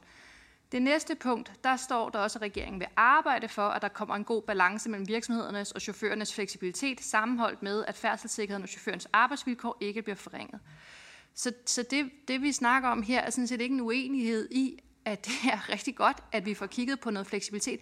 Det er, når man går til forhandlinger om den her fleksibilitet. Hvad kommer så til at vægte mest for regeringen? Er det fleksibilitet for arbejdsgiverne på øh, kontra færdselssikkerhed og arbejdsmiljøforhold, eller hvordan? Og her så har regeringen valgt den absolut laveste vægtning, man kan i en forhandlingssituation. Så det er ikke et spørgsmål om ja eller nej til fleksibilitet. Det er et spørgsmål på, hvor regeringen i deres mandat stiller sig i forhold til at sikre færdselssikkerheden og arbejdsmiljø. Øh, og øh, vi har været i kontakt med nogle af de her fagforeninger. Jeg vil sige, de er ikke glade, mildest for den her øh, vægtning, som, som regeringen lægger op til. Øh, så hvis ikke ministeren var bekendt på det, så vil jeg i hvert fald give det som en oplysning at sige, at de deler den bekymring, som, som SF øh, også har øh, med gode øh, kollegaer her i udvalget. Minister. Mange tak for øh, der hilsen så fra fagforeningerne. Øh, altså det der med vægtningsbalancer, det, øh,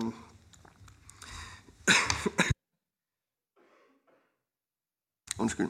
Vægtningsbalancerne, det er jo en udmærket øh, vurdering og drøftelse at have. Men jeg tror bare, vi må sige, at vi, vi, der er jo ikke en vurdering af, at det her det går på kompromis med færdselssikkerheden. Altså det er det, der, der også er det, der skal være i balance med det spørgsmål. Øhm, så, så, så altså, jamen jeg har skrevet alle jeres noter ned, så jeg ved ikke, om jeg bare skal takke for dem, men altså vi, der bliver spurgt ind til passagerernes hensyn, det er ikke vægtes øh, øh, Skavenius. Og øh, ja, den jeg. altså det, det gør den jo, fordi man, laver de her løsninger, uden at gå på kompromis med færdselssikkerheden. Altså, og, og det er også sådan lidt, hvad er risiciene? Jamen, hvis det er den nuværende lovgivning, og du starter i København og kører til Sverige, så er det et sæt regler. Øh, og hvis du er i, starter i Malmø og fortsætter over Sverige, så er det et andet sæt regler osv. Så, så jeg synes sådan set, der er meget af det her, som kommer til at give mere sund fornuft. Uh, og det er de samme køretider osv. Og derfor så bliver jeg også bare nødt til at læne mig op i de faglige vurderinger i forhold til om øh, altså risici for, for, for færdselssikkerheden osv. osv. Bigum. Mange tak. Altså, jeg synes jo, det er betryggende, at ministeren siger, at der er sket, at det er ministerens vurdering, at det, ikke vil, at det her forslag ikke går på kompromis med færdselssikkerheden. Øh, ministeren sagde ikke arbejdsforholdene, men færdselssikkerheden men dertil stå mindre, så forstår jeg slet ikke, så burde det jo være endnu mindre uproblematisk at lægge stor vægt på det hele. Minister? Ja, det er også det, jeg prøver at sige. Det der vægtningsintervaller og vurderinger, hvor kraftig men, øh, vægtning skal man komme med. Altså, hvis det ikke er et problem, jamen, så, så er det jo ret så spørgsmål. Men spørgsmålet er jo i forhold til, om man udvender de her vægtninger. Øh, på ting, som måske ikke er et problem. Men hvis man ser på, på øh, arbejdsforholdene så, øh, som, som øh, ordføreren så, så, så kan jeg kun se, at man egentlig forbedrer arbejdsforholdene for chaufførerne også samtidig med det her. Så, så, så det del ser jeg heller ikke som en bekymring, uanset om det er færdselssikkerhed eller arbejdsforholdene.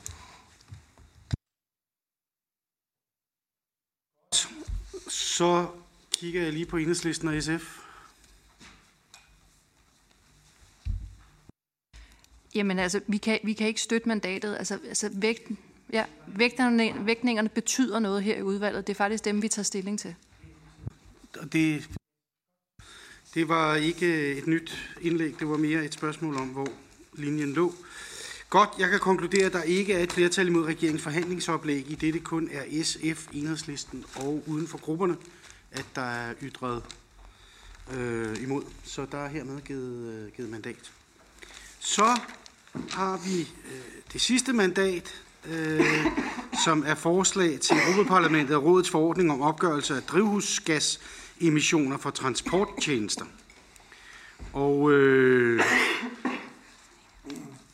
sagen er din, minister.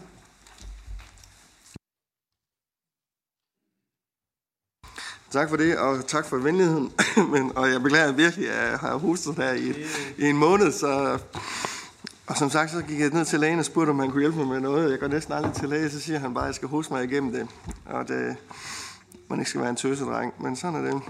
Nå, vi er nået til det fjerde og sidste forhandlingsoplag, øh, som jeg vil forelægge for udvalget i dag, og det drejer sig om kommissionens forslag til en forordning om opgørelse af drivhusgasemissionerne fra transporttjenester. Det spanske formandskab forventer også på den sag, at der kan opnås en generel indstilling ved transportrådsmødet den 4. december, og forslaget bliver fremsat den 12. juli øh, og kom dansk sprogversion den 20. september. Forhandlingerne af forslaget er derfor gået meget hurtigt. Formålet med forslaget er at harmonisere måling, øh, beregning og formidling af, og dokumentation af drivhusgasemissioner fra øh, transporttjenester i EU. Det opnås ved at etablere en fælles metode til at opgøre og formidle CO2-udledningerne fra transport, og det vil være obligatorisk at benytte på tværs af transportformer, hvis man som virksomhed enten er pålagt eller frivilligt ønsker at oplyse om udledningen. Dermed vil forslaget medvirke til at skabe lige konkurrencevilkår mellem virksomheder på tværs af EU i forhold til at udbyde grønne transporter. Der vil være omkostninger, når erhvervet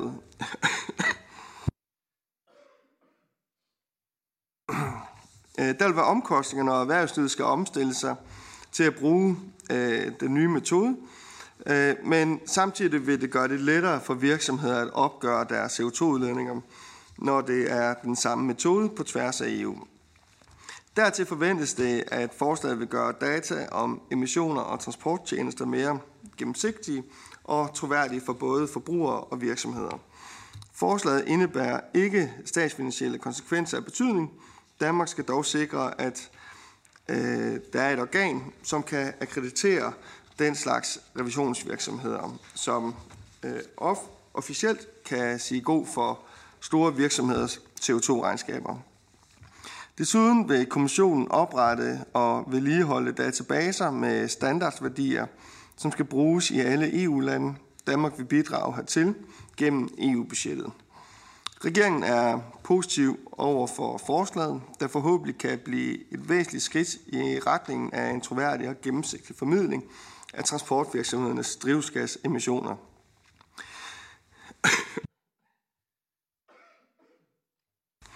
Regeringen vil i de videre forhandlinger have fokus på omfanget af forslagets økonomiske konsekvenser for erhvervsliv øh, og myndigheder.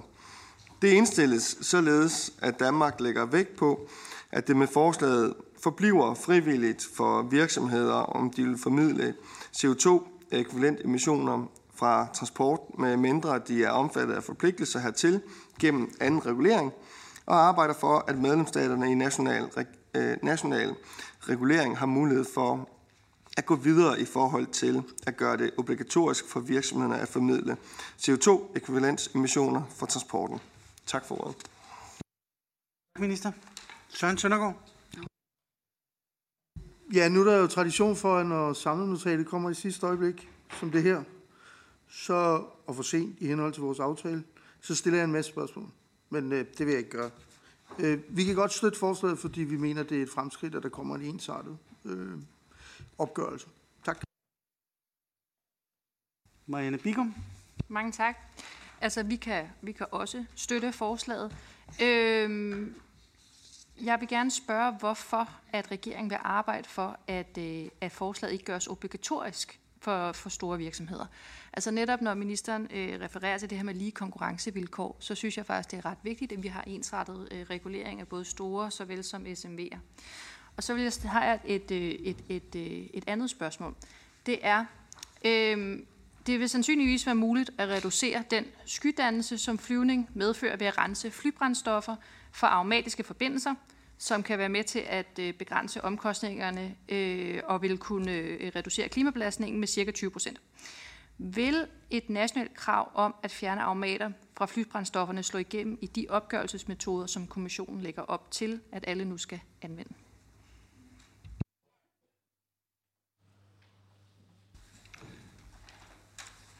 Minister?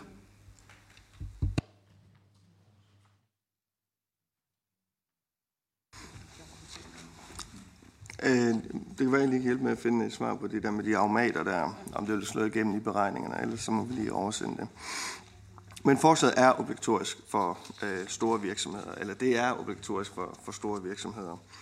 Øh, og i forhold til øh, øh, den tid, I har haft til at arbejde med det, så øh, er det ikke tilfredsstillende, og det, vil jeg godt, øh, det burde jeg starte med at beklage. Også selvom sagen er gået hurtigere, og det kommer til at gøre, gøre bedre. Skavenius. Yes. Øhm, altså grundlæggende, det her det er jo en politik for incitamenter. Og det er jo grundlæggende et meget, sådan et, det er jo meget ineffektivt, typisk i forhold til klimapolitik.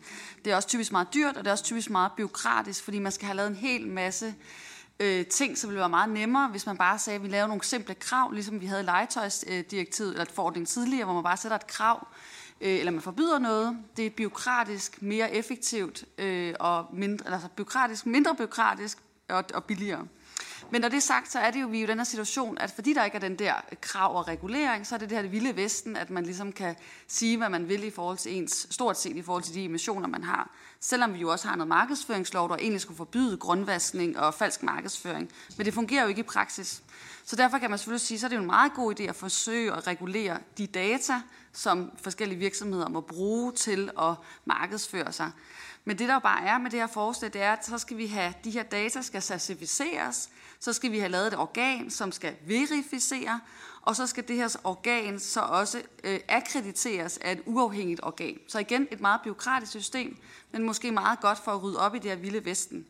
Men det der jo så er det vigtigste, og det er det, der står i øh, artikel 14, øh, det er det her med, kan vi så sikre os, at de her uafhængige organer øh, og det her øh, overensstemmelsesvurderingsorgan har den nødvendige faglige integritet og tekniske kompetence. Øh, og derfor er mit spørgsmål, vil ministeren arbejde for at sikre, at der er en faglig integritet og teknisk kompetence i de her organer? Fordi vi ved jo, at inden for meget EU-transportpolitik, der sidder bilindustrien rigtig tungt på rigtig mange af de her organer. Jeg tror, jeg har læst en gang, at der i nogle organer sidder 75 procent for bilbranchen. Det vil sige, hvis vi ligesom har et problem med noget greenwashing i bilbranchen, og vi så laver et meget tungt byråkratisk system, som borgernes penge skal bruges på, så skal vi jo virkelig sikre os, at vi så ikke alligevel med bagdøren ender i det samme sted, hvor det er de samme aktører, som sidder og beslutter det, de så i forvejen ikke gider at beslutte. Øh, så hvad er det, kan, kan vi lave nogle øh, sikre vandtætte skodder, der gør, at de her organer ikke bliver infiltreret af den bilbranche, som i forvejen har meget svært ved at omstille sig? Øhm, ja, jeg synes lige, jeg havde en... Jo, og så den aller sidste, der står også det her med, at de her organer kan, kan give nogle bestemte kompetencer til dattervirksomheder og underentreprenører. Og det er jo igen det, der kan skabe en risiko, fordi at man så laver et organ, som så i virkeligheden øh, får opgaven udført et andet sted, og derfor mister man kontrollen med alt de her med certificering, verificering og akkreditering. Så jeg synes, det er ret bekymrende. Så øh, kan ministeren svare på nogle af de her spørgsmål? Tak. Værsgo, minister. Nå, ja, nu i forhold til automater, der, øh, der har vi ikke oplysninger herom øh, på nuværende tidspunkt, hvordan de kan indgå. Men øh, det kan vi jo prøve, om vi kan finde noget på. I forhold til, om jeg, vil, om jeg ønsker øh, faglig integritet og kompetence, så er øh, svaret ja. Øh, og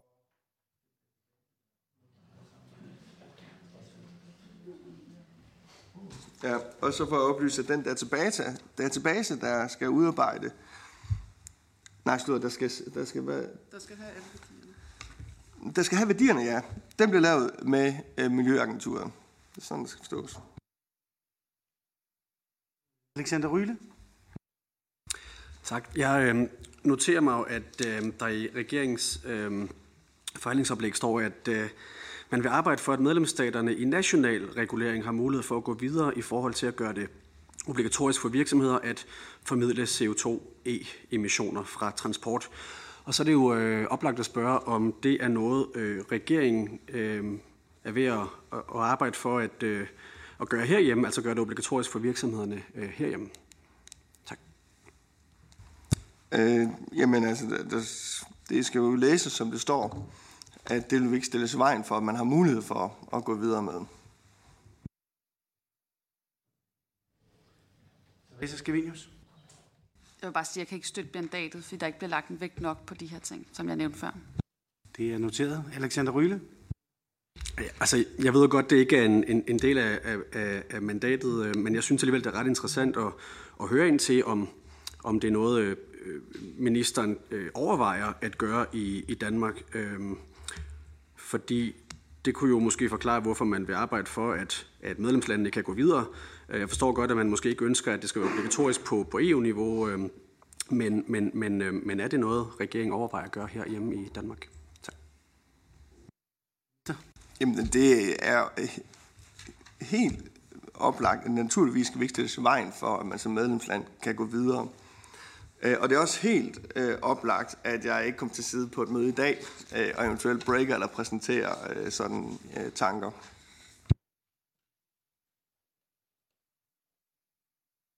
Ja, så er vi øh, nået dertil, hvor jeg kan konstatere, at der ikke er et flertal imod regeringens forhandlingsoplæg i det, det kun er uden for grupperne, der er ytret imod.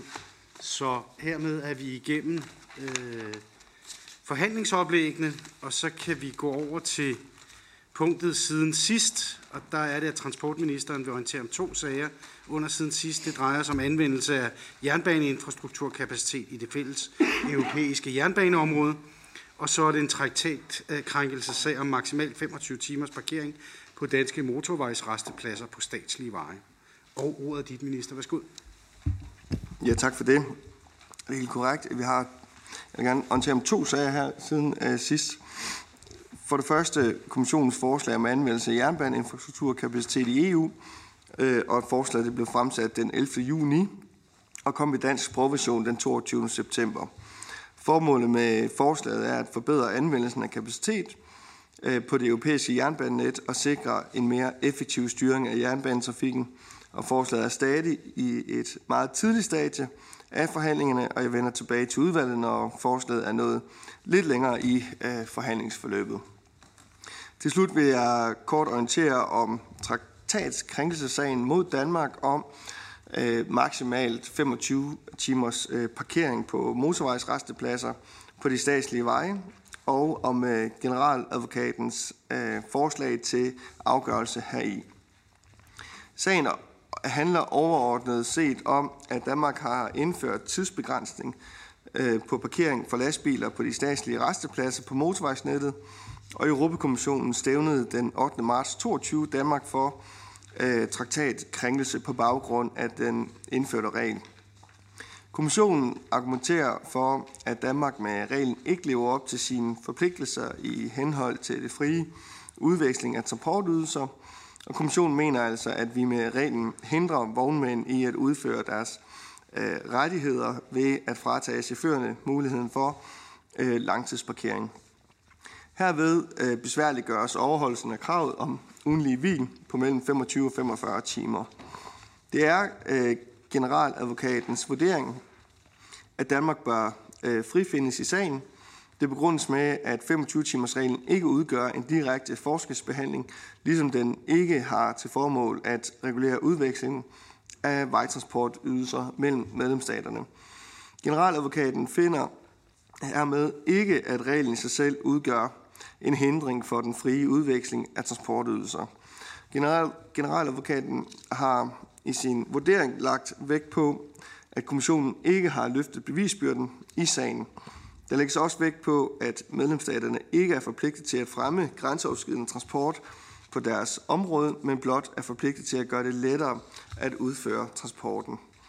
Derudover har øh, generaladvokaten øh, lagt vægt på, at det er transportvirksomhedernes ansvar at tilrettelægge turen og dække omkostningerne til indkvartering uden for køretøjet. Generaladvokaten mener dog ikke, at de danske argumenter om, at reglen medvirker til at sikre kapacitet på restepladserne, øh, ordnede forhold og mulighed for afholdelse af korte hvil, øh, kan begrunde 25-timers reglen. Og derfor vurderer generaladvokaten, at så frem domstolen finder, at reglen udgør en hindring for den fri udveksling af transportydelser, vil Danmark ikke kunne frifindes. Regeringen er positiv over for øh, generaladvokaten øh, ikke finder, at den indførte 25-timers regel er en hindring for den frie udveksling af transportydelser. Jeg vil dog gerne understrege, at dette er generaladvokatens forslag til afgørelse, og at domstolens afgørelse kan afvige herfra. Regeringen ser derfor frem til at modtage domstolens afgørelse i sagen, og udvalget bliver orienteret om den endelige afgørelse, når den foreligger. Tak for ordet. Minister Theresa Scavenius. Jeg har bare en kommentar i forhold til det her jernbane, øh, det hedder jo meget langt noget, jernbaneinfrastruktur kapacitetsforordningsforslag. Øh, og det er jo det her med, nu havde vi jo lige før øh, øh, tungt vejtransport, og nu er det jo så jernbanetransport, og det er jo meget sjovt lige at se tallene netop, ikke, at det er kun 11 procent øh, af godstransport, der er på jernbane, og kun omkring 5 procent, der er på passagertransport. Og det er jo rigtig ærgerligt, når vi ved, at jernbaner er både meget energieffektive, det er meget miljøvenligt, det er meget klimavenligt, og det samlet set har et meget lavt energiforbrug. Øh, men derudover er forslaget jo rigtig spændende, så jeg vil bare appellere til, at regeringen går positivt ind i det her forslag. Og selvfølgelig er det ikke et stærkt forslag i forhold til at regulere og lave krav, men det er selvfølgelig fint med noget langtidsplanlægning, noget kapacitetsanalyse, så man bliver opmærksom på, at vi har simpelthen misset at investere i den her meget, meget effektive øh, transportsystem, øh, og måske kan alt det her viden og koordination bidrage til at få den viden frem i lyset, for den mangler virkelig. Tak. Bemærkninger? Jamen altså, regeringen er positiv over for forslagets intention. Øh, og jeg er sådan set enig i, at, øh, at der har været historisk mangel på investeringer i jernbanen. Øh, vi, vi gør, hvad vi kan, også nu, det, vi handler lidt om øh, Øh, godstransport, som øh, ordføreren også nævner, i forhold til at lave overhalingsspor og så videre, fordi godstog kører langsommere end passagertog. Øh, og eftersom at vi jo ikke ligefrem har dobbeltspor alle steder, så prøver vi at lave sådan nogle løsninger og tage sådan nogle initiativer for at kan fremme en øget kapacitet for både godstog og passagerer. Øh, vi må så også bare være realistiske og sige, at vi kan ikke løse vores øh, godsbehov med, med jernbanen. Det er øh, helt urealistisk, når man ser, hvor store mængder, der bliver kørt på vej, i forhold til, hvad der bliver kørt på bane. Øh, og allerede i dag, der tror jeg, at alle i udvalget her begræder de udfordringer, vi har øh, i forhold til øh, vores skinneborgende transport med de øh, uregelmæssigheder, der er osv. Men det er jo et udtryk for, at vi nu er gået i gang med at lave historisk store investeringer, som gør, at der er stort set ikke en strækning i Danmark, hvor vi ikke er i gang med at investere i signalsystemer, elektrificering, opgradering af banen eller hvad vi er. Og det gør, at jeg tror, man må trøste sig ved, at det skal være skidt, før det bliver godt, også på det her område, øh, fordi jeg er helt enig, det er i hvert fald skidt lige nu. Øh, men det er jo desværre et historisk efterslæb, som vi så prøver at, at indhente.